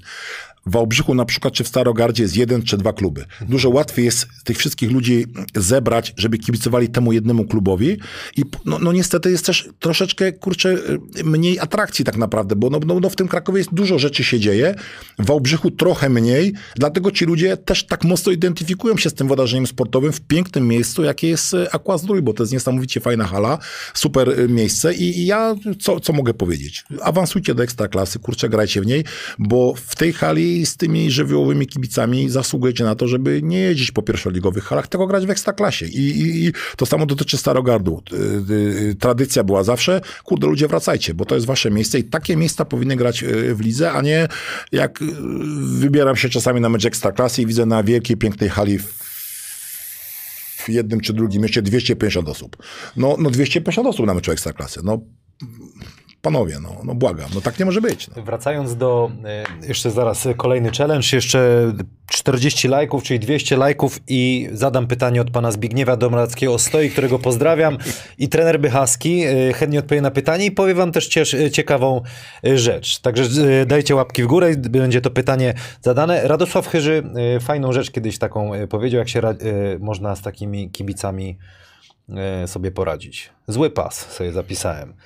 Mówił, że kurczę, jak była taka sytuacja, Lebron się zagotował na kogoś i wyrzucił kibiców. Po co Lebron? Mówi, "Re- Lebron, nie rób tego, po prostu spo, podaj z tych swoich bicepsów jak naj, najmocniej, żeby goś w palnik dostał i ten. Tylko ja ci odpowiadam, to wracam do tego, co powiedziałem. Mogę ci zagwarantować, że ten, że ten hardy gość, który z trybun ci lży, nie, właśnie nie. Ten hardy gość, który z trybun ci lży i ubliża, jakby dostał tą piłką w łeb, to byłby pierwszym, który założyłby ci sprawę sądową, by się chłopie bujał z tym, a pamiętaj o jednej rzeczy.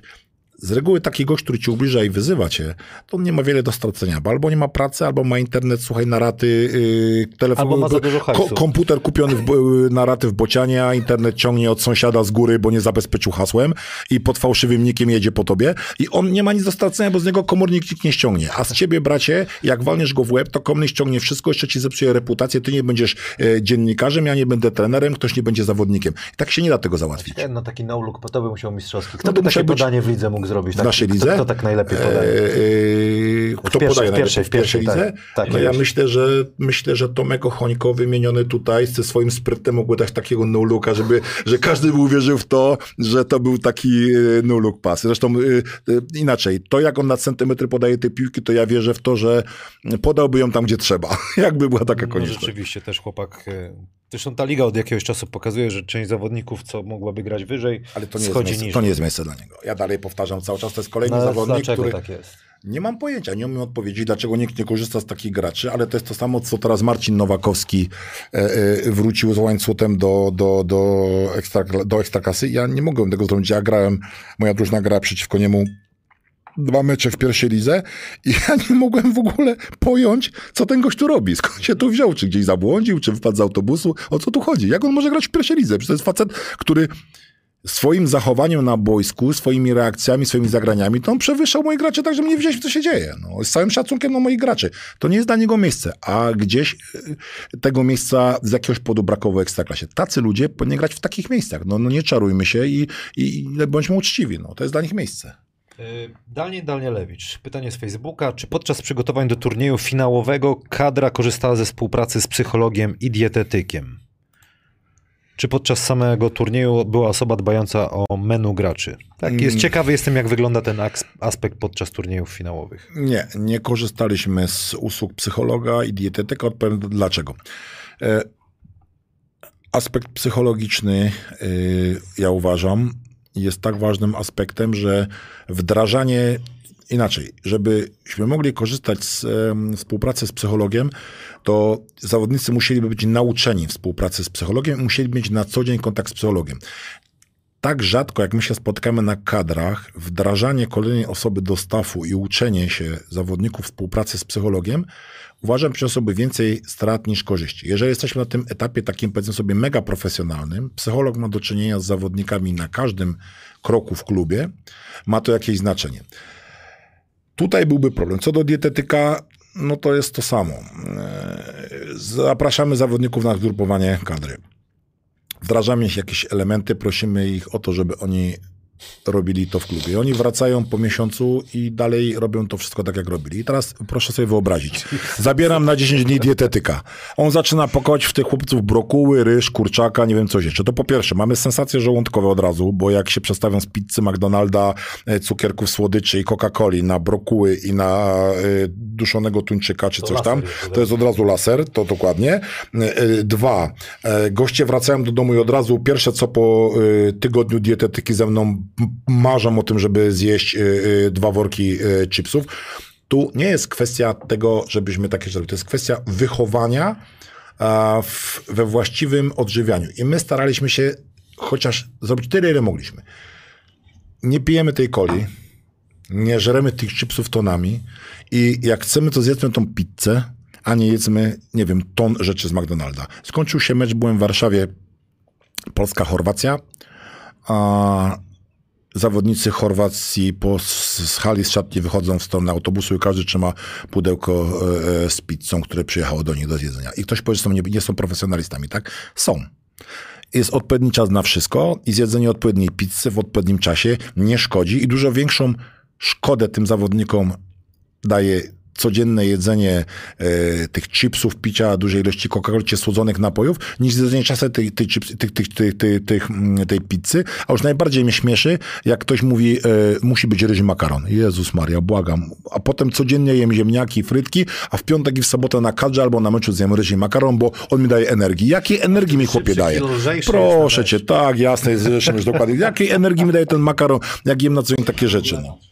No to ten Neulepacz to, to Drażen Anzurowicz, który pracował w Polsce, teraz pracuje teraz pracuje, yy, pracował w Rosji, teraz no okej, okay, przed całym tym zamieszaniem yy, yy, związanym z wojną y, paskudnym, to, to on takie rzeczy mawiał. Ja będę zmuszał chłopaka, żeby jadł ryż i makaron, jak on potem w poniedziałek zje pizzę i frytki. Ja chcę go uświadomić, żeby on wiedział, że nie może za dużo zjeść tej pizzy, tych y, frytek, ale nie, żeby goś, kurczę, ja bym go zmuszał do jedzenia. NDN pisze, że pizzę dostali w połowie już. O, no to jak dostali w połowie, no to...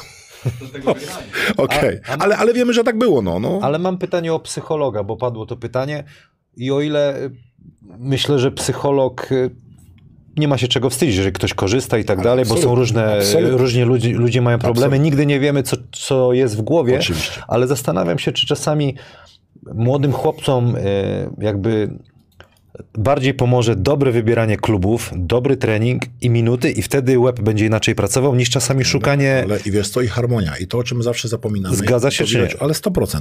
Niestety bardzo dużo, wielki wpływ na to niestety, dlaczego powiem niestety, ma wpływ rodzina i wychowanie.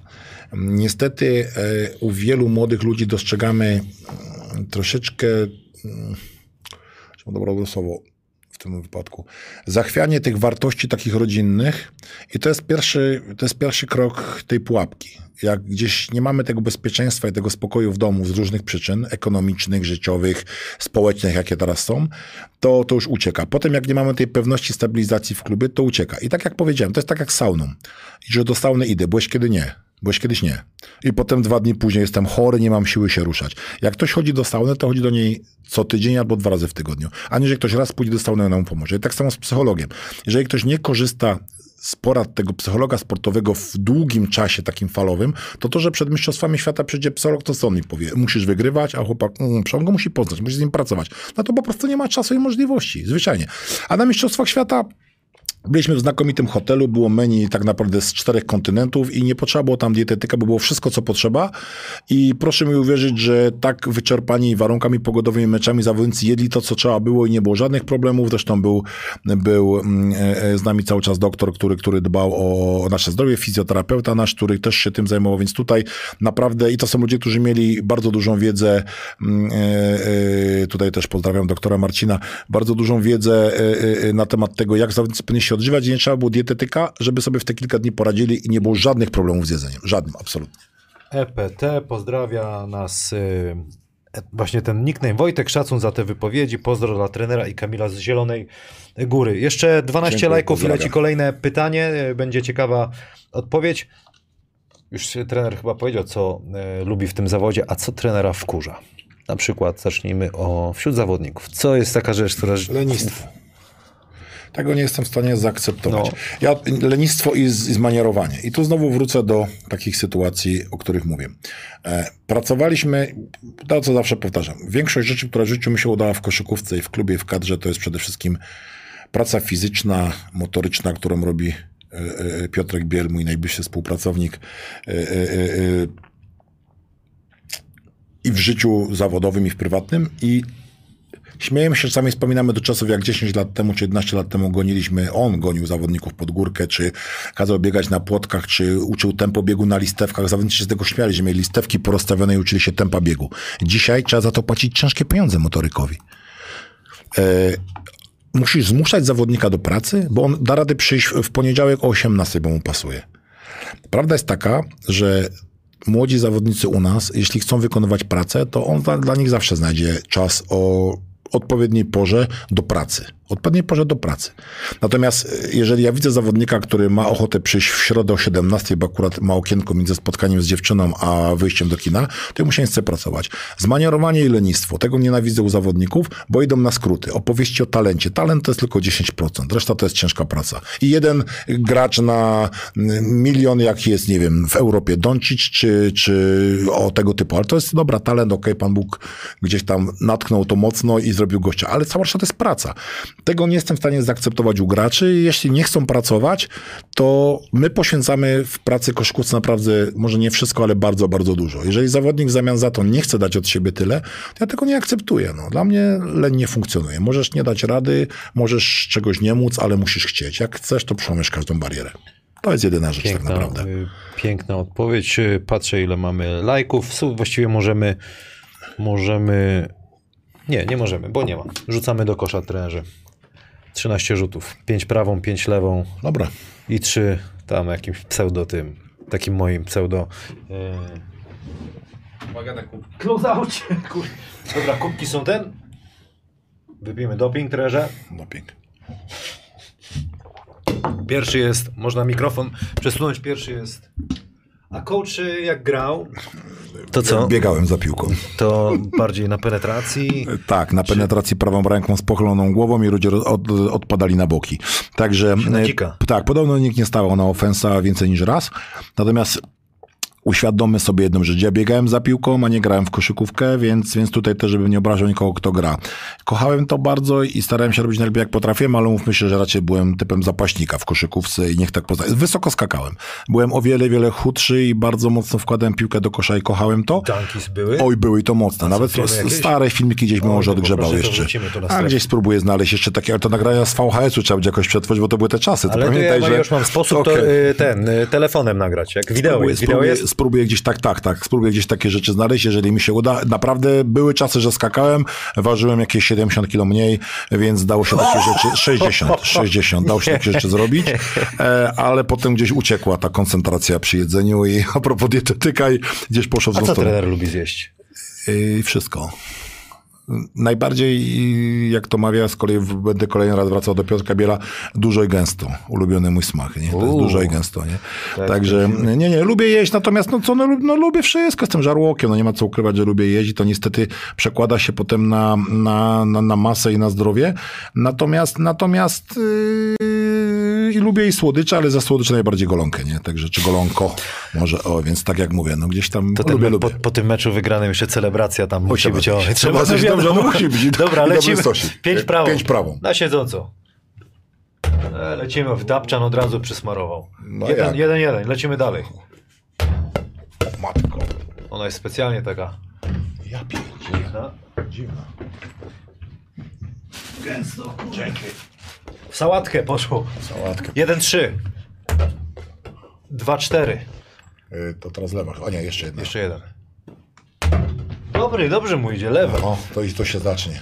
Lewa do tramwaju, żeby Dokładnie. się trzymać. Mówiłem. Ostatnio motorniczy to wysyła, że to lewą to się nic nie robi w tramwaju. Chyba prawą tylko. Ale kieruję. Że. Kierujesz lewą. A, że lewa, dobra. Ja już zgupiałem. Moja lewa to tak. to teraz. Panie, nic nie będzie z tego.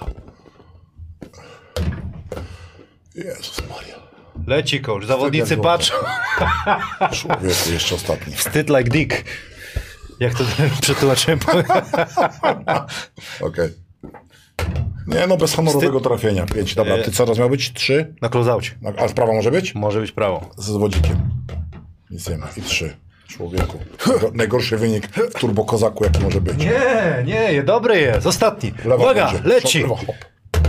Jest człowieku Brawo, lewa. pięknie. Jeszcze lewką wdusił. Matko. Zadowolony, wróci do domu. wszystkich, którzy całe życie nienawidzili mojej prawej. Także Widzicie jak się strzela i to wdechę. Udało się. Kurde, w tam na AGH ciężko trafić. ciężko, ale dlatego właśnie to jest... Y, nauczyłem się tego od, y, od Marcina Lichtańskiego. On mawiał zawsze, że jak wybierał y, obręcze do siebie na halę w Jaworznie, jak budowali halę, to wybrał najgorsze, jakie były na świecie y, możliwe najtwardsze. Wszyscy go pytali, czemu ty wybrasz takie obręcze? On mówi, bo będę na nich rzucał codziennie.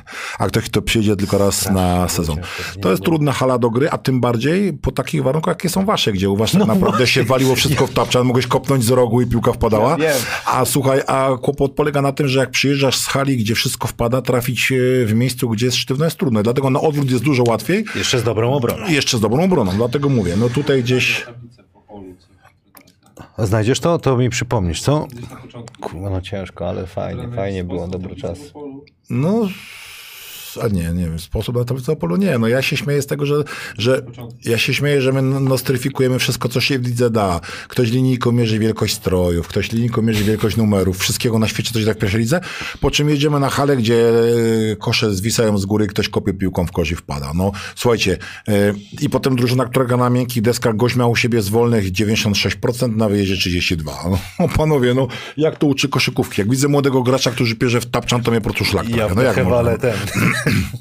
Znaczy inaczej, ale wybacz mi, ty nie jesteś młodym graczem, to ty walisz, żeby trafić, a młody Ale gracz ma się uczyć, żeby wiesz. podkręciłem trochę procent, bo nigdy nie miałem 90, ale jak ćwiczę teraz z młodymi, tam to za- zakaz jest, nie? Ale słuchaj, ja mówię w pierwszej lidze prosta obrona. Dlaczego nigdy w życiu na miękkich deskach nie bronię contain?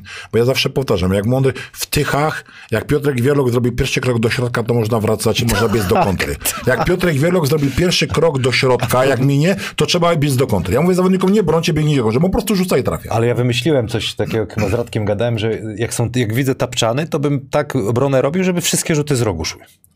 Można tak robić, tylko wiesz o tym doskonale, że to jest właśnie to, co powiedziałem. Jak powiesz zawodnikom, to jest moja choroba. Ja nigdy nie miałem dobrych, wysokich zawodników, znaczy w sensie bardzo wysokich zawodników, jak chodzi o parametry. O. Więc y, tak naprawdę ta obrona contain też jest utrudniona przy tym. Y, I ja jestem ch- schorowany na punkcie tego niepuszczania do środka, jak chodzi o, to, o tą grę i tą, o tą rotację. No to czasami odnoszę wrażenie, że jakbym przez rok mówił do zawodników, puszczacie do środka, to miałby to lepszy efekt. Bo im więcej mówię, nie puszczacie do środka, tym więcej potem na wideo jest wycinek. Jak goście układają te nogi, wytłumacz mi. Przecież to jest to samo. Dlaczego zawsze wszyscy puszczają do środka? Ja tego nie rozumiem, no.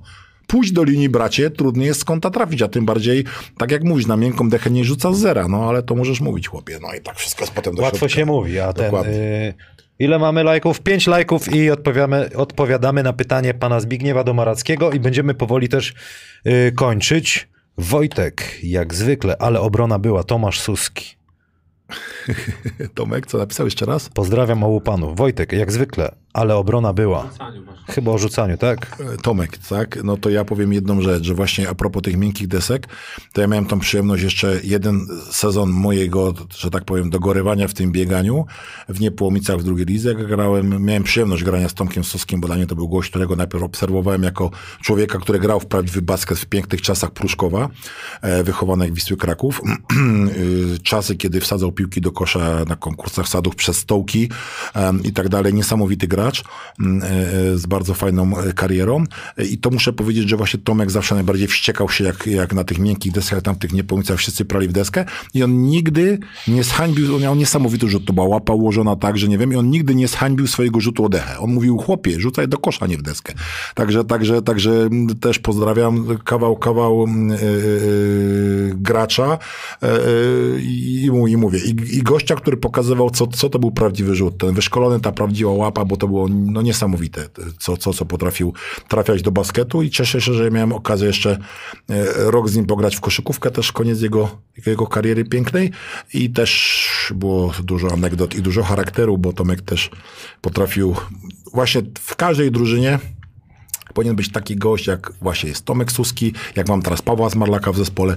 Każda drużyna młodzieżowa, czy złożona z młodych graczy, powinna mieć takiego gościa z takim charakterem, który umie nauczyć graczy podstawowych zasad, które były zawsze w szatni. Jak ktoś opowiada, że wszedł do szatni, nie wiedział gdzie usiąść, czy powiedzieć dzień dobry, czy coś tam, ludzie się z tego śmieją. Nie, teraz wchodzi młody do Musi szatni weteran, i, i przekopie ci, kurde, torbę starego. Nie? To tak No, jak stary, jesteśmy przy Zmarlaku, yy, Pawle, szybkie pytanie, bo już mamy 200 lajków. Tomasz Komosa, jak ważny dla pana w AGH jest Paweł Zmarlak, legendarny gracz z Dąbrowy Górniczej? No, Paweł Zmarlak jest y, przede wszystkim najlepszym moim koszykarzem, którego, którego mam e, w zespole i jakiegokolwiek miałem, z jakim kiedykolwiek pracowałem. I Paweł Zmarlak przede wszystkim jest osobowością. Ja go traktuję też w pewnym sensie, że jako trenera, jako człowieka, który podpowiada i nie wstydzę się tego, ja powiem to publicznie. No, jak Paweł Zmarlak udziela uwag, to ja się nie odzywam. W sensie do zawodników. Ja nie lubię, jak zawodnicy mi przeszkadzają i zawodnicy mi nie przeszkadzają. Paweł też kiedyś że jak Paweł Zmarlak mówi coś dograć, to się nie odzywam, bo on mówi to, co trzeba i to wtedy, kiedy trzeba.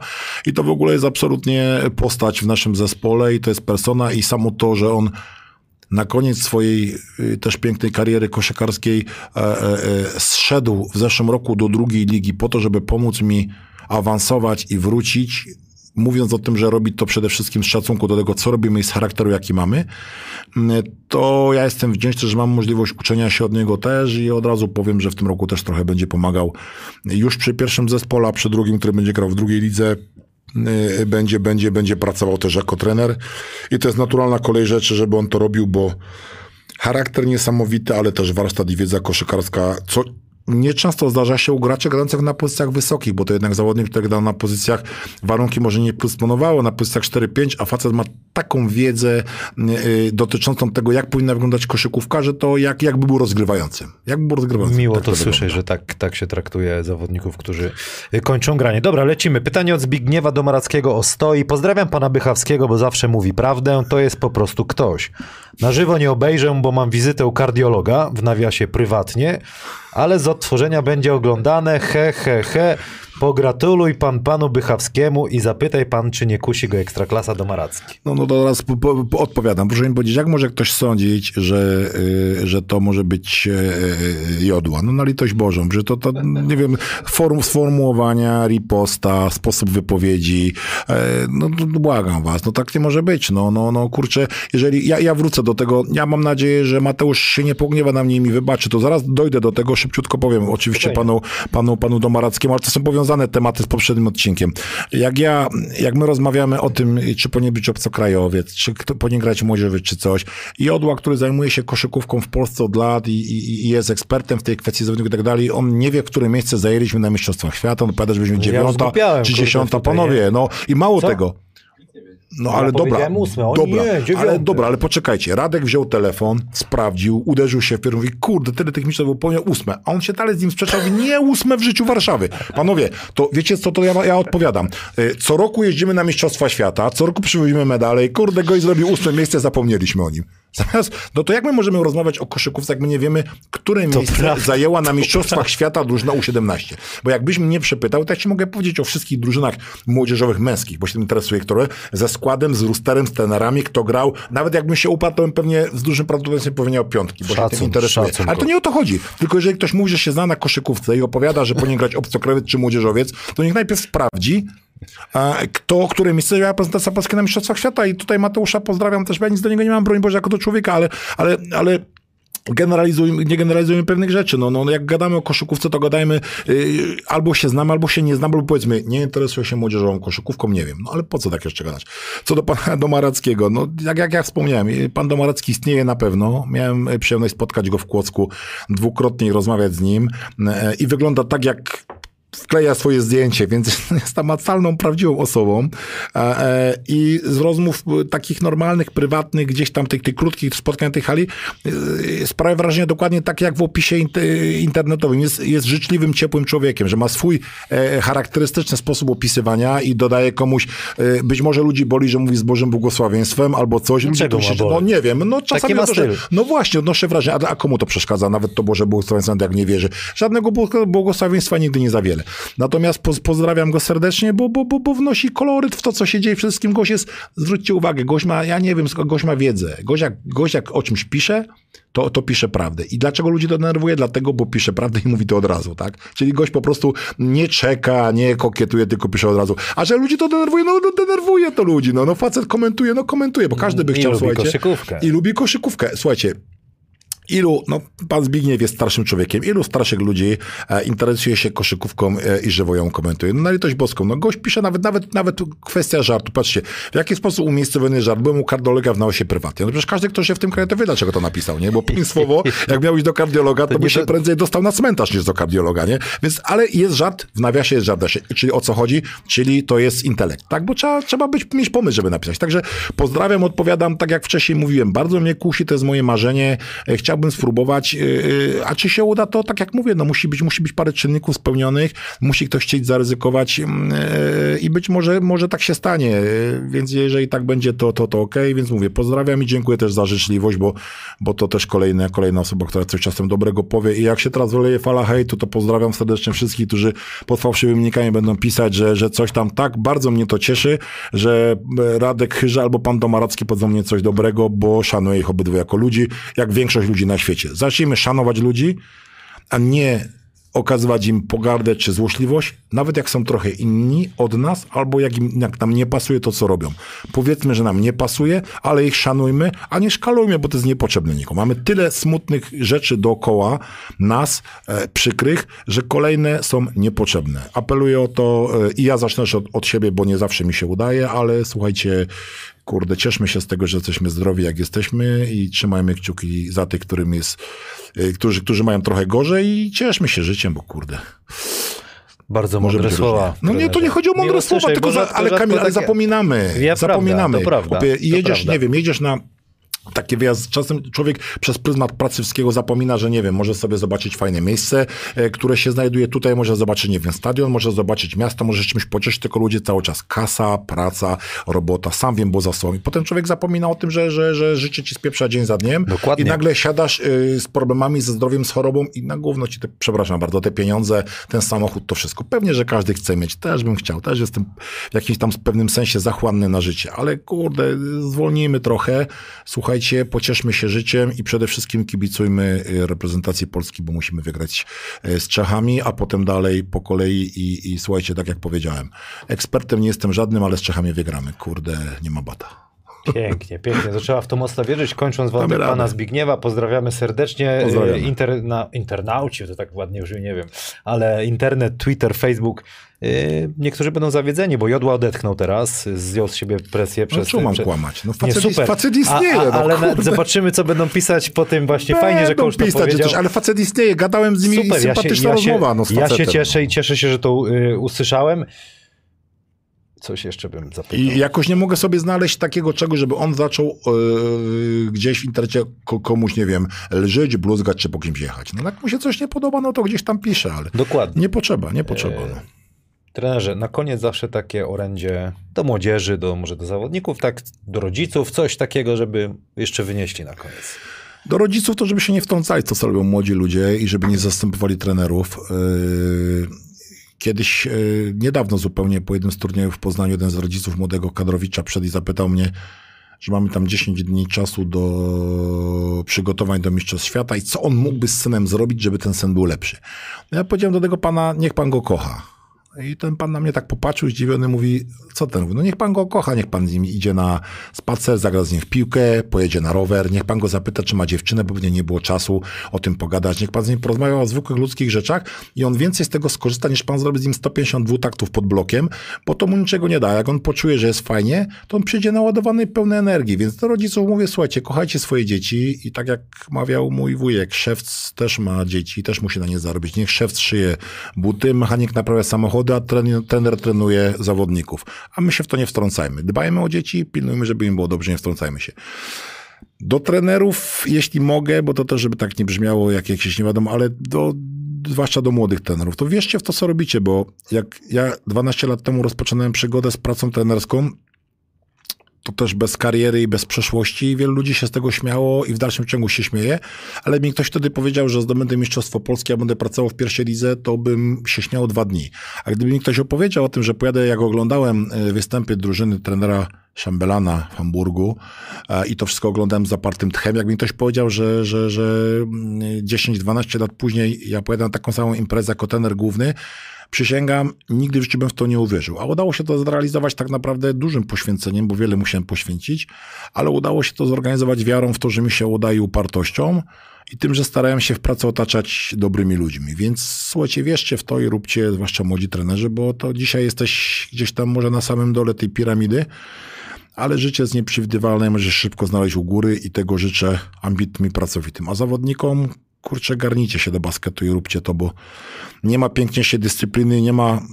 Ja nie przepracowałem za 12 lat życia, nie przepracowałem ani jednego dnia w koszykówce, ani jednego dnia nie przepracowałem, bo to jest moja pasja i ja to kocham i to jest sposób na życie, że nie muszę pracować yy, w tej kwestii, bo to, bo to robię. I, I jak nie zostaniecie wybitnymi koszykarzami, to może zostaniecie trenerami, może zostaniecie działaczami, może zostaniecie agentami, może sędziami, ale będziecie przy koszykówce i ta koszykówka wam da życie, bo gra zespołowa i współpraca z ludźmi zawsze spowoduje, że wyniesiecie z tego rzeczy, które wam się w życiu przydadzą. Pracujcie ciężko i wierzcie w to, że się uda. Piękne słowa. y, Nadajemy Starczyński, Arena Wrocław. Pan Adam pewnie już logawki ładnie wkleja. Przypominam, że możecie zaraz typować po, po zakończeniu tego odcinka, kto wygra mecz na Eurobaskecie, czy to będą Polacy, czy Czesi. Wpisujcie, e, kto wygra. Jeżeli ktoś ma ochotę zabawić się jaką różnicą punktową, to jeszcze załatwimy bonusa od zakładów bukmacherskich. E, Winner, praise the wear, koszulki trener dostał. Ja mam na Dziękuję sobie, uprzejmie. można, można, można kupować e, sportboxy, jedzonko zamawiać, sportsmedic naprawić kolano, albo na przykład do kardiologa pójść, albo coś innego. Ale tak jak pan Zbyszek pisze prywatnie. Tylko prywatnie, oczywiście, No, ale na drugi dzień pewnie jest wizyta, tak, nie? tak, tak. Także dziękuję bardzo trenerze, bardzo fajna rozmowa. Mam wrażenie, że dużo tematów nie przegadaliśmy, ale, ale trzeba, trzeba powoli kończyć. Będę wdzięczny, jeżeli trener znajdzie w tym natłoku swojej pracy czas, żeby kibicom odpisać na Facebooku, byłoby mi Odpiszę, bardzo miło. odpiszę na pewno, daję słowo, że odpiszę na te pytania. Yy, Ja dziękuję za zaproszenie i cieszę się, że gdzieś tak troszeczkę, nie wiem, mogę też powiedzieć o tej koszykówce z drugiej strony i tak też trochę bardziej emocjonalnie, bo ja jak na końcu oglądam to wszystko, to się zastanawiam, czy niezbyt dużo tak, wiesz, emocjonalnie odpowiedzieć, tylko że no to było naturalne. Ja powiedziałem szczerze to, co myślę i nawet jak to, ktoś z tym nie zgadza albo uważa, że to jest nie tak, niech o tym powie, ale tak jak wspomniałem, niech napisze o tym normalnie. Słuchaj, nie podobało mi się źle, bez sensu, mylisz się. Ale oszczędźmy sobie jakichś złośliwości, bo są niepotrzebne. No, No tak, no ale trzeba, trzeba powiedzieć, podobało mi się ki- kilka e, takich słów, słów wytrychów. E, Samouk, trener, e, który kocha koszykówkę i osiągnął sukces. I tak bym skończył ten odcinek. Dziękuję trenerze Dziękuję bardzo. uprzejmie. Wszystkiego dobrego i do zobaczenia. Dziękuję, panie Adamie, również dziękuję.